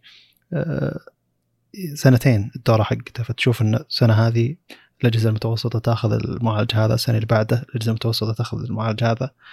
ثم السنة الثالثة تبدأ تأخذ المعالج الجديد البديل للمعالج هذا. ف الأجهزة المتوسطة أقل آه، تجديد للمعالج من آه، الأجهزة الرائدة. وهذا يوضح فارق السعر الكبير يعني. أن المعالج يقعد سنتين آه، السنة اللي بعدها بيكون أرخص على الشركات فتشوف الأجهزة المتوسطة يرخص سعرها السنة اللي بعدها. وعلى الشيء ذا يعني نتكلم عن أن سامسونج ممكن تستخدم بال S22 FE نهاية السنة هذه معالج من MediaTek في احتمالية كبيرة. لأن آه، مصانع TSMC وسامسونج كلها مشغولة إنها تصنع معالجات Snapdragon ال Exynos الحين صاير مدري أحس إنه من المعالج نادر الوجود لأنه ما هو موجود إلا بس بأوروبا مثلا. ف زي اللي تصنيعه صاير قليل ما أدري إذا كان أداءه الحين ممتاز ولا لا لأن ما قاعد تهم من المقارنات لأن موجود عندنا سناب دراجون أحس إن إحنا صار صرنا الفئة المختارة. آه، ف ما أدري. آه، إذا تصدق تصدق الإشاعات هذه أو لا لكن لو استخدمت المعالج هذا بيكون أرخص عليها بكثير من معالجات Snapdragon آه طيب. بعطي ملخص للربع الأول. وصلنا الربع الثاني من السنة هذه. الأجهزة اللي نزلت. نزل ال K 50 Redmi K 50 Redmi K 50 Pro Redmi K 40 S نزل ال Motorola Moto Edge 30 Pro Moto Edge 30 العادي. الفرق إنه بشاشه LCD ما راح أذكر المواصفات نهائيا يعني لكن آه هذه الأجهزة اللي تستاهل إنك تبحث فيها وش اللي نزل فيها. ال K 50 Pro أظن يجيب معالج 6000 Dimensity ال K 50 العادي يجيب 8100 عندك ال OnePlus Ace أو ال OnePlus 10 R إذا لقيته باسم Ace بيكون البطارية 4500 المعالج 8100 Dimensity آه هو نفسه الجهاز بالضبط Realme GT Neo 3 بيجي معالجات معالج 8100 آه Realme في شيء غريب إنك إذا أخذت الشاحنة 80 واط بتجيك بطارية 5000 ملي إمبير. إذا أخذت أعلى نسخة الموجودة عندهم اللي هو المعالج 150 واط بيجيك البطارية 4500 OnePlus نفس الفكرة إذا جاك OnePlus Ace بيجيك بطارية 4500 لكن إذا النسخة العالمية اللي هي OnePlus 10 R بيجيك البطاريه 5000 ملي إمبير. فحبكة غريبة. آه لكن نسخه نسختين من بعض يعني Oppo آه أو اقصد Realme و OnePlus نفس الجهاز بالضبط يعني. فهذه الأجهزة اللي نزلت يعني وتعتبر متوسطة لكنها جدا مثيرة للاهتمام خاصة ال K 50 العادي. الشاشة حقتها 2K 120 frame المعالج 8100 البطارية 5000 ملي امبير جهاز محترم بشكل غريب. لكن إلى الحين تعتبر بس نسخة صينية. ما أدري عن النسخه النسخة العالمية منه. نزل Poco F 4 GT ونزل عندنا موجود عندنا بالسعودية. أظن ب 2500 ريال. لكن نزل معالج 8 Gen 1 والمعالج ذا يعني قتل بطارية الجهاز بشكل كبير. يعني لو انه حاطينه بالمعالج الماضي 870 بالنسبة لي بيعتبر أفضل على البطارية بالذات يعني. والسعر عندنا يعتبر غير منطقي. آه وش بعد؟ موتوريلا ايدج 30 برو آه أرخص جهاز بمعالج 8 جن 1 أرخص جهاز بهذا المعالج لكن آه مشكلته تسعيرته غريبه سعره عندنا 2750 لو تجيبه من برا بتحصله تقريبا ب 2000 2050 ريال. بأوروبا سعره 1000 دولار تقريبا 900 يورو أو 800 يورو. تسعيرة غريبة بكل مكان والجهاز يعتبر جهاز واحد.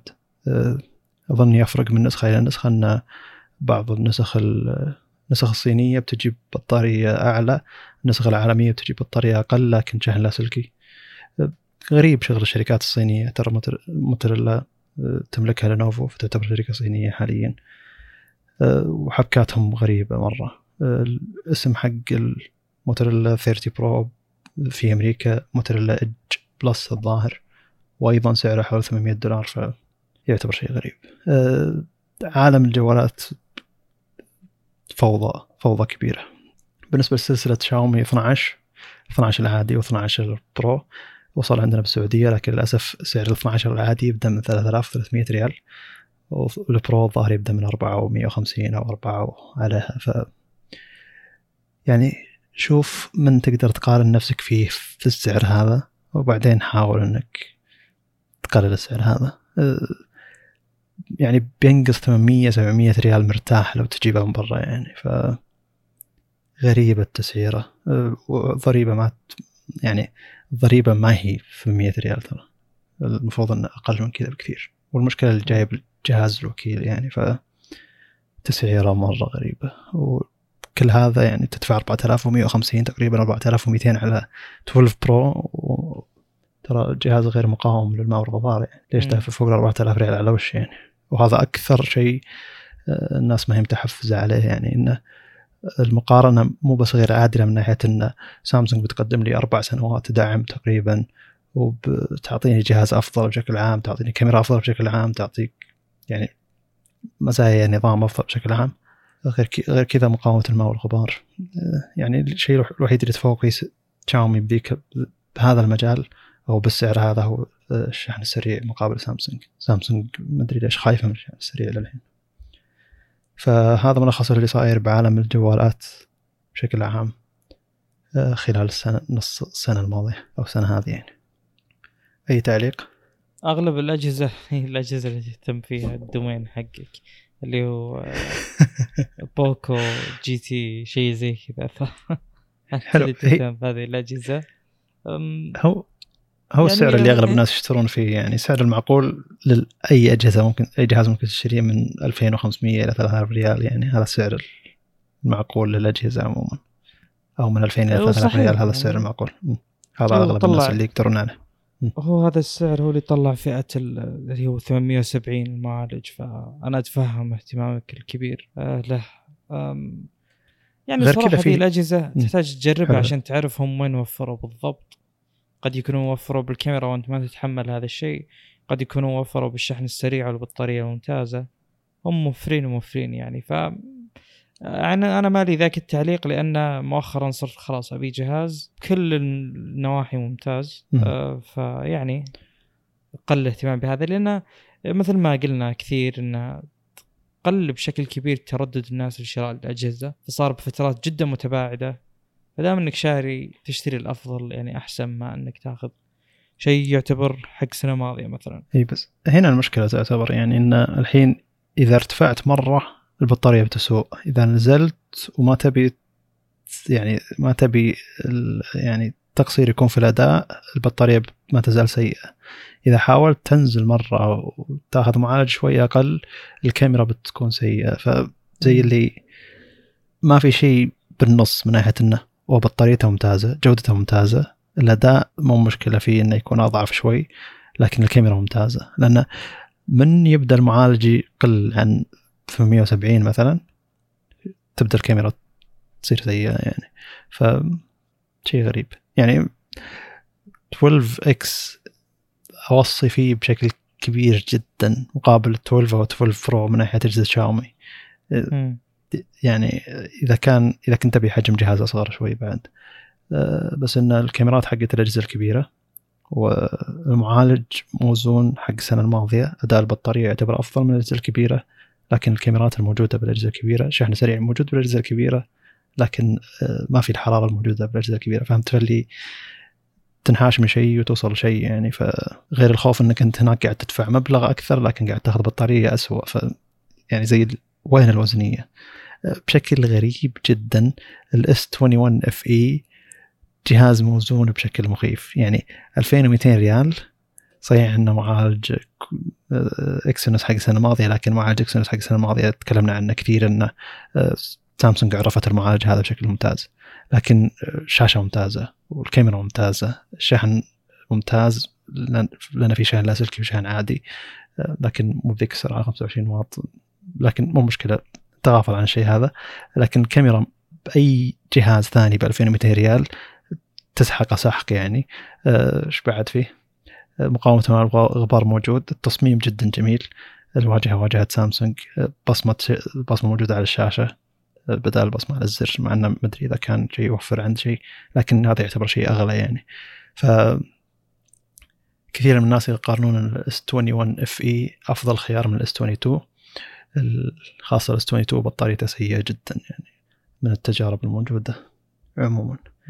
فرغم إنه ما ما هو معالج Snapdragon الا ان Exynos الماضي أنا أحترم Exynos الماضي بشكل كبير خاصة يعني من كثر من كثر المقارنات اللي شفتها له شهر عن شهر يعني. زي ما تكلمنا قبل حلقتين ثلاثة انه تقريبا من شهر تسعة أو عشرة خلال 2021 آه، Exynos آه، حق السنة الماضية تفوق على Snapdragon 888 فخاصة بصرفية البطارية وأكثر شيء يهمني صرفية البطارية يعني. فجهاز ما أدري أحس جهاز موزون بشكل غريب. لأن كل اللي بالفئة السعرية من 2000 إلى 2500 ريال ما في كاميرا ممتازة إلا شاومي 12 X أو ال S 21 FE. فهذا ملخص الشهرين الماضية اللي ما تكلمنا فيها عن أي جهاز تكلمت فيها خلال الفترة الماضية. خلال الفترة اللي ما علق فيها صالح كثير. آه طيب.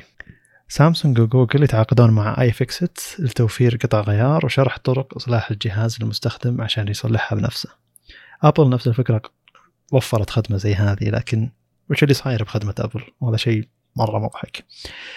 لما تطلب الجهاز أول شيء الموقع ما أظن موقع ابل ولا من تطوير ابل لأنه من أسوأ المواقع اللي ممكن تدخلها بحياتك. عادة مواقع ابل تعتبر مواقع محترفة محترمة مطورة بشكل محترم. كل التفاصيل وطريقة الكتابة هذا تحس إنك داخل موقع حكومة عام 2007 يعني من كثر ما تحس إنه متخلف. غير كذا إنه لازم تعطيهم رقم الاي اي ام اي زي اي ام اي حق الجهاز حقك علشان لما يرسلون القطعة يخلونها تتوافق software يا مع جهازك. فهي ما راح تركب إلا على جهازك. لما تركبها على جهاز ثاني كأنك مركب قطع قطعة غير أصلية على الجهاز الثاني. غير كذا لما يرسلون لك القطعة, نفسها بيرسلون لك أجهزة علشان تفك الشاشة مثلا أو تفك خلفية الجهاز عشان تغير البطارية. قيمة شحن الأجهزة هذه 50 دولار. فقط شحن الأجهزة هذه. وبيطلبون منك طبعا ترجعها بعدين لما تخلص من تركيب القطعة اللي موجودة عندك بالجهاز. قيمة القطع ذي كبيرة مرة واظن تحتاج تدفع لها تأمين. غير ان غير إن وزنها الظاهر فوق ال 15 باوند أو ال 20 باوند ف مزعج جدا. آه، أعتقد إن يعني ابل جوجل سامسونج كلهم قاعد يحطون يعني ال right to repair القانون اللي قاعد تحطه قاعد يحطه الاتحاد الأوروبي الحين علشان يجبر الشركات إنها يصير عندها آه، خيار إن المستخدم يقدر يصلح جهازه. ولو إن الخيار هذا صعب إلا انه أحس إنه تهرب قانوني من ناحية إنه أنت أنت مو موفر آه، شو اسمه خدمة لتصليح الأجهزة للمستخدمين بأنفسهم. فقانونيا أنت تعتبر غلط أو ما تقدر تبيع عندنا في أوروبا مثلا. فتحس إنه سابقينهم بالشيء هذا لكن يعاقبون المستخدم إنه يبي يصلح بنفسه. أغلب التجارب اللي شفتها للناس اللي طلبوا تغيير شاشة من ابل لكن بيغيرونها بأنفسهم تجارب سيئة جدا. ولا وفي في بعضهم اللي رجع القطع وشحنها بوقت معين وغرموه غرامة انه انك انت شحنتها بوقت متأخر عن الوقت اللي المفروض تشحنها فيه. بينما يقول أنا يعني شحنتها بنفس الوقت اللي هم قالوه وطبعت البوليصه حقت الشحنة بنفس الوقت اللي هم قالوه ف راح يتجادل معهم. فالمهم انه ما هي تجربة محترمة إلى الحين لأن ممكن خدمه جديدة لكن ما هي جيدة. في المقابل اللي هو Steam Deck تبع Valve Valve هي شركة. إي نعم. إي موفرين لك كل القطع بموقعهم موفرين لك آه، قطع غيار بموقعهم. موفرين لك مقاطع لكل طريقة فك الجهاز بالكامل وتركيب الجهاز بالكامل. والقطع المساعدة إنك هذا وزنها ولا شيء وتعتبر يعني زي ال DIY نوعا ما من ناحية آه، فك الغرا الموجود تحت الشاشة أو شيء زي كذا. جايبين لك زي ال pad الصغير تحميه بالميكروويف عشان تحطه على الشاشة عشان يفك الغرا الموجود تحت الشاشة. بينما أبل لا جايبت لك جهاز حديد وزنه مدري كم لازم تشحنه بعدين لكن هذول موفرين لك آه، حل بسيط. آه، وأظن نفس الفكرة Steam Deck عندهم تعاون أو Valve عندهم تعاون مع iFixit فممكن يكون سامسونج جوجل مع اي تجربتهم أحسن من أبل iFixit iFixit تخصصهم تفكيك وتركيب الجهاز فممكن يكونون أفضل من ناحية إن يقدمون لجوجل وسامسونج تجربة أفضل من اللي قاعد تقدمها أبل للمستخدمين. أدري إذا كان عندك تعليق على الشيء هذا. امم يعني هو الكلام يطول عن right to repair يعني للأمانة أنا أتفهم بعض الشركات يوم يعني تجد صعوبة في إصلاح أجهزتها. يعني الناس طبعا كلها تتهم أنه أوه الشركة الفلانية ما تبيك تصلح إلى آخره. قد يكون هذا الشيء صحيح بس أنه الشيء اللي نتجاهله أنه قد يكون هذا الشيء غير صحيح. يعني الشركة من حقها أنها توفر لك تحاول تسعى أنها تخلي منتجاتها آه، تستخدم بالطريقة اللي هي تبيها يعني تستخدم فيها. بمعنى أنه يعني هم يبون يوفرون لك أسرع تجربة استخدام آه، لهم الحق في السعي وراء هذا الشيء. موضوع إن الجهاز قابل للإصلاح ولا لا؟ كم نسبة الأشخاص اللي مثلا تنكسر أجهزتهم أو إلى آخره هي النسبة موجودة الناس نشوفهم بس إنهم مو معناه إنهم الأغلبية فالشركات تروح تستثمر فلوسها إذا خرب الجوال. وش تسوي؟ هو ما هو سيارة عمرها أطول وإلى آخره. يعني جميل. ف يعني أنا أتفهم أن ما في ذيك الفلوس اللي تندفع أو ذيك المجهودات اللي تندفع بحيث أن الشركة تخلي الجهاز حقها قابل للإصلاح. وعلى النقيض طلعت لنا يعني businesses زي iFixit متخصص في إصلاح الأجهزة. فيعني في وجود يعني قابل للوضع انه يكون في third party طرف ثالث متخصص في هذا الشيء والشركات قد تحتاج أنها تنسق معه نوعا ما في أنها تساهم بهذا الشيء. إنها تساهم بتوفيره لكن لو ما سعت الشركات في آه، توفير آه، قدرة يعني إصلاح منتجاتها فأشوف أنه من حقها يعني. طبعا في شركات على النقيض تحاول تمنعك تدفع فلوس عشان تمنعك. يعني ايا كانت تستثمر فلوس عشان أنت تقل وتصعب عندك فرصة إنك آه، تصلح الجهاز فهذا كلام آخر. أكيد ما ينفعني كمستخدم. وفي شركات حلو. كثيرة عندها سياسة إنه والله لو خرب جزء من الجهاز مثلا أو إلى آخره فبقدر الخراب أو بقدر ما هو موجود بالجهاز آه، عندك مبلغ معين تقدر تستبدل فيه جهاز جديد فايضا هذا من الخيارات المقبولة. لكن لازم نفهم جميع الأطراف اللي موجودين بالمعادله هذه. كل واحد يفكر ورا الشيء اللي يحتاجه هو واللي المفروض إنه يسعى له. يعني معليش أنا ما ما راح أطور جهاز صراحة لو عندي شركة يعني وأحاول أطوره بشكل كبير بحيث إنه كل قطعة فيه قابلة للفك والتركيب والإصلاح. هذا بي.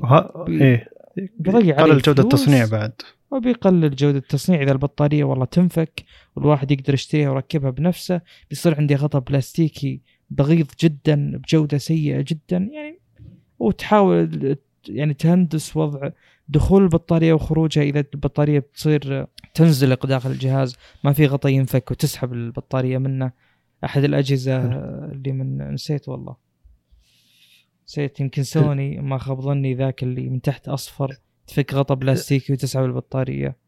الجي جي 5 okay. الجي جي 5 أظن. انه إي ف يعني أقصد إن هذه الأشياء لها تكلفتها سواء لتقلل الاداء وجودة التصنيع أو إنها تحتاج إلى هندسة يعني. كيف تدخل البطارية وتطلع. حتى البطارية بيكون لها منفذ. المنفذ هذا ياخذ مكان. وقد يكون قدرة نقل الطاقة فيه ما هو بالكفاءه اللي يحتاجها الجهاز نفسه. فهذا الموضوع يطول النقاش فيه يطول بشكل كبير. مثل ما قلنا في أج... في شركات تجتهد في إنها تقلل الإصلاحات في شركات مثل أبل. آه تقول لك ممنوع تصلح أجهزتنا إلا إذا طلعت تصريح لأنك ما راح تحصل على القطع الأصلية إلا إذا يعني بس ترى ما في ما في.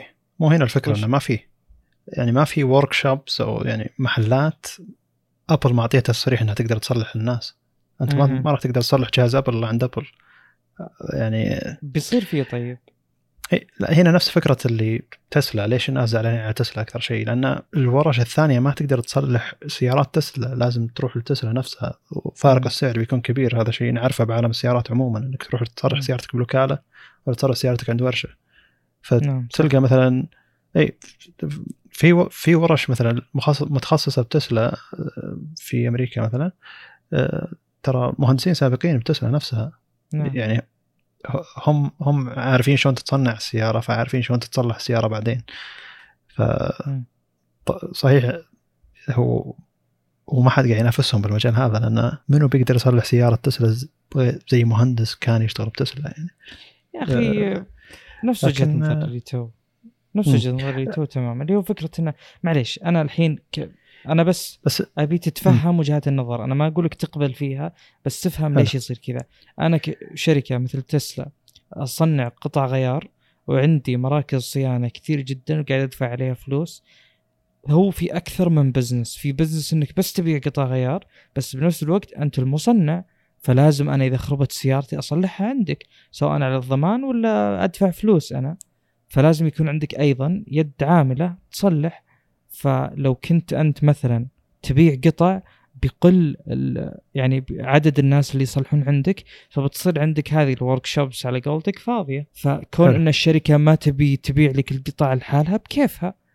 كون إنها لازم يعني تاخذ ال package كامل أيضا بكيفها. عشان كذا في يعني السيارات سابقا الأبسط خلينا نقول ماركيز ولا فيكتوريا. ليش تلقى والله في شركات تصنع قطع غيار لها؟ لأن هذا ال business ماشي. ه- هذه الشركة سواء كانت Depo ولا أيا كانت الموجودات بالسوق ما صاروا موجودين إلا إن في حاجة. فهذا ال business مستقل بذاته. كون ان حلو. تسلا ما تبي تبيع قطع بكيفها والآن السيارات الكهربائية أصعب وأصعب. اسلم. الحكم مبكر على الشيء هذا لأن التقنيات ذي جديدة السيارات ذي توها نازلة بالسوق أتوقع نعم. بعد خمس عشر سنين تلقى شركات عرفت تصنع بطاريات تصلح تركبها على تسلا بدل بطاريات تسلا ولا أشياء بس بنفس الوقت كذا صح مع صح أكيد مع أن الوقت. التطور تطور أسرع من أنه يكون الشيء هذا موجود ما أدري والله عاد مم. آه، لكن. أتوقع زي الحكم على أول ما طلعت السيارات من الشركات نفسها فورد والأشياء هذه انه ما كان في أحد يقدم قطع غيار غير شركات المصنعة نفسها هذا الشيء أسلوب العمل هذا والتجارة هذه جاء متأخر لما كان لما صار في احتياج. فالحين صار في احتياج صار في ورش. شوي شوي يصير في ورش أكثر. لكن آه، ما أحب مقارنة السيارات الكبيرة بالأجهزة الصغيرة. الأجهزة الصغيرة دورة الحياة حقتها نوعا ما قصيرة. آه، لما تحاول تخليها قابلة انها تتصلح بيد واحد غير خبير آه، غير إنه تحتاج تصمم تصميم قابل للتصليح جودة التصنيع بتكون أقل. يعني والدلالة على ذلك الفرق بين جودة ال laptopات العادية الموجودة بالسوق وجودة laptop Framework اللي هو قابل إنك تفك أي شيء فيه وتركب أي شيء فيه. تقدر تفك الشاشة ال keyboard ال motherboard تغير المعالج تغير الرامات تغير ال keyboard تغير الشاشة تغير المنافذ. يعني وهذا أدى إلى أن الجودة أقل من الموجود بالسوق. جودتها ممتازة جدا كجهاز تقدر تغير فيه كل شيء لكن جودته سيئة مقابل الأجهزة الموجودة بالسوق. فشخصيا ما بجهاز قابل إنه يتعدل ويتصلح وتركب عليه اللي تبي مقابل إنه يكون أقل جودة من اللي ممكن آخذها بنفس السعر. لكن فريم ورك يعني آه، شركة واعدة جدا من ناحية إنها ممكن تكون آه، تقدم شيء ما هو موجود بالسوق وممكن يكون اجود أجود مع السنوات الجاية. امم ف يعني مثل ما قلنا النقاش يطول بس المقصد بالأخير إنه يعني لابد تفهم يعني أحيانا مو مصلحة الشركة أبد عشان تستمر بالسوق وما تخسر وتطلع منه إنها يعني تسهل لك الوضع إذا خرب جهازك اللي نسبة حدوثه أقل مما تتوقع دائما وأعتقد جميل. يعني في في في يعني طرق قد ما نفكر فيها مبدئيا بس عادة تكون هي اللي ودنا فيها بس إحنا ما ندري عنها. مثل انه والله تخيل تشتري جهاز يقول لك أول ست شهور لو انكسر لو صار له أي شيء لك تغيير مجاني. هذه في أجهزة كثير. إيه. فهذا أعتقد إنه جيد اللي والله الجهاز يقعد معه ست شهور سنة يعطيه راحة بال خصوصا بداية استخدامك م. للجهاز هو الوقت اللي أكثر شيء تبي تحافظ عليه فيه وتبيه ما يخرب. بينما لو جهاز قاعد معك سنتين مثلا 70 لو انكسر الحين تقول الله يعطيك العافية. ويعني وتسوي له يمكن كذا تمثال بالبيت تحطه وتزين المكان. يعني خلاص ما قصر هو خدم يعني. حلو. فهمت؟ فبالبداية هو هو الوضع الصعب. فيعني في حلول كثيرة لهذا الشيء. وقد مثل ما قلنا إن السوق يستوعب يعني التجاره في الطرف الثالث في توفير القطع أو في إصلاح. business iFixit الصراحة جدا شيق في إنه والله هو دام إنه بايع قطع مليون جهاز يحط لك documentation كل جهاز فكفكته وتسكيره وشرح كل قطعة وشو وأدوات وإلى آخره. شيء شيق جدا. هو طبعا الملامة في ابل بالشيء هذا إن القطع ما تتوفر وف... هي وفرت القطع لكن لازم تربطها بجهاز معين يشتغل عليها. تشتغل عليها هذه القطعة. بينما المفروض إنها وفرت القطع أي واحد يقدر يشتري قطعة يركب على أي مكان ثاني. علشان محلات الاصلاح تقدر تغير بقطعة أصلية بدل ما قاعد تغير بقطعة تقليد.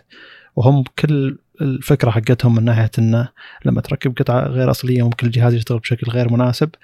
ترى ممكن هم سوفت ويريا يخلون قطعة تشتغل بشكل غير مناسب يعني. ولا القطعه التقليدية قريبة جدا من القطعه الأصلية يعني. إذا ما كانت من نفس المصانع يعني. ف غريب. يعني أحس انه في قانون بيطلع قادم بعد سنة سنتين. إيش رأيكم نسبق له ونخلي ما حد يقدر يستخدم الشيء ذا؟ آه، آه، ما أدري. أكثر الناس المنزعجين اللي هم محلات الإصلاح يعني. آه، لأن في الغالب وخاصة عندنا حتى في السعودية إن في ناس يشترون أجهزة مكسورة مثلا عشان يأخذ البطارية اللي فيها منفذ الشحن ال IC الموجود مثلا الكاميرات الخلفية أشياء زي ذي ويروح يركبها على أجهزة خربانة فيها الأشياء هذه. فأنا ركبت هنا قطعه أصلية موجودة بجهاز من أبل على قطعه أصلية موجودة بجهاز من أبل. لكن أبل الجهاز حقها software يدري إن القطعة ذي تبع ال IM الفلاني ال I I I ال IMEI نسيت الرقم المصنعي حق الجهاز شيء زي كذا. الجهاز ثاني ما هو نفس الجهاز. فممكن ابل توقف عليك النظام ما تخلي الشيء ذا يشتغل. يعني تقدر تخلي لما أنت تشيل الكاميرا حقتك المكسورة تركب كاميرا ثانية من جهاز ثاني تخلي الكاميرا ذي ما تشتغل. ليش؟ لأن أنا ما أعطيتك تصريح إن ذي القطعة تشتغل على ذا الجهاز بالضبط. وهذا اللي يخليهم إنهم يسألونك عن رقم المصنعي للجهاز ويربطون القطعة حقتهم فيه بالضبط. لدرجة أن إذا وصلتك القطعة تروح تدخل رقم القطعة مرة ثانية تدخل رقم الجهاز مرة ثانية علشان يشغلونها على بعضها. فشيء مرة غريب يعني. التجارب كلها سيئة وقد تكون تجارب مبكرة. ممكن تحسن التجربة. أبل ما تحب تجربة سيئة يرتبط ترتبط باسمها لكن أيضا ما تحب أن أي أحد ثاني يحوس باجهزتها أو يحاول يصلح اجهزتها تبي لأن هي تقدم تجربة ممتازة لكن مو كل الناس عندهم متاجر أبل. الناس اللي عندهم متاجر أبل بديرتهم يعرفون إنك إذا رحت متجر أبل معك أي جهاز خربان معك أي مشكله أي مشكلة جهازك بيتم عليها التعرف عليها بشكل مباشر. أبل بتعوضك بشكل ممتاز يعني لا, لا تخاف إنه يكون آه، شيء ممكن ما تتعرف عليها أبل بنفسها. ف آه، التصليح حقهم في محلاتهم يعتبر جيد فممكن ما يلومون من هالناحية. لكن مو كل الناس عندهم متجر ابل موجود عندهم في نفس المدينة يعني. فهذا الشيء المفروض يوفر للناس الثانيين اللي غير متوفر عندهم آه، متاجر ابل جوجل أطلقت تطبيق ممكن هذا قبل شهر شهر ونص اللي هو Switch to Android على متجر ابل للتطبيقات. آه، أنا أستغرب انه شيء زي كذا ما كان موجود أصلا. والحين اللي يبي يحول من أجهزة آيفون أو iOS عموما. يجي ال Android حياه الله. التطبيق ذا موجود عندكم. تقدرون تحولون آه، للنظام الأكثر كفاءة. ما أدري إذا كان أكثر كفاءة لكن آه، المحبب أكثر لي شخصيا مع إنه ما في تجربة للنظام الثاني. إذا كان في تجربة للنظام الثاني بيكون أكثر تش... بيكون البودكاست ذا مشوق أكثر. طيب. نشكركم الاستماع واعرف نوعية المتابعين حقين إن إذا تأخرنا عليهم ثم نزلنا حلقة ما هم من الناس اللي يشهرون يشرحون علينا أه وين كنتوا فيها أنتم لا هم من الناس اللي يفرحون بأنك نزلت حلقة جديدة. شكرا لك نقدر أنت وش قاعد تسوي. فزي الشخص اللي يقابلك لكن ما يقول لك ها وين الناس؟ يقابلك يفرحك إنه شافك ويسولف معك كأنه ما صار شيء أو إنك أنت ما كنت منشغل عنه أصلا.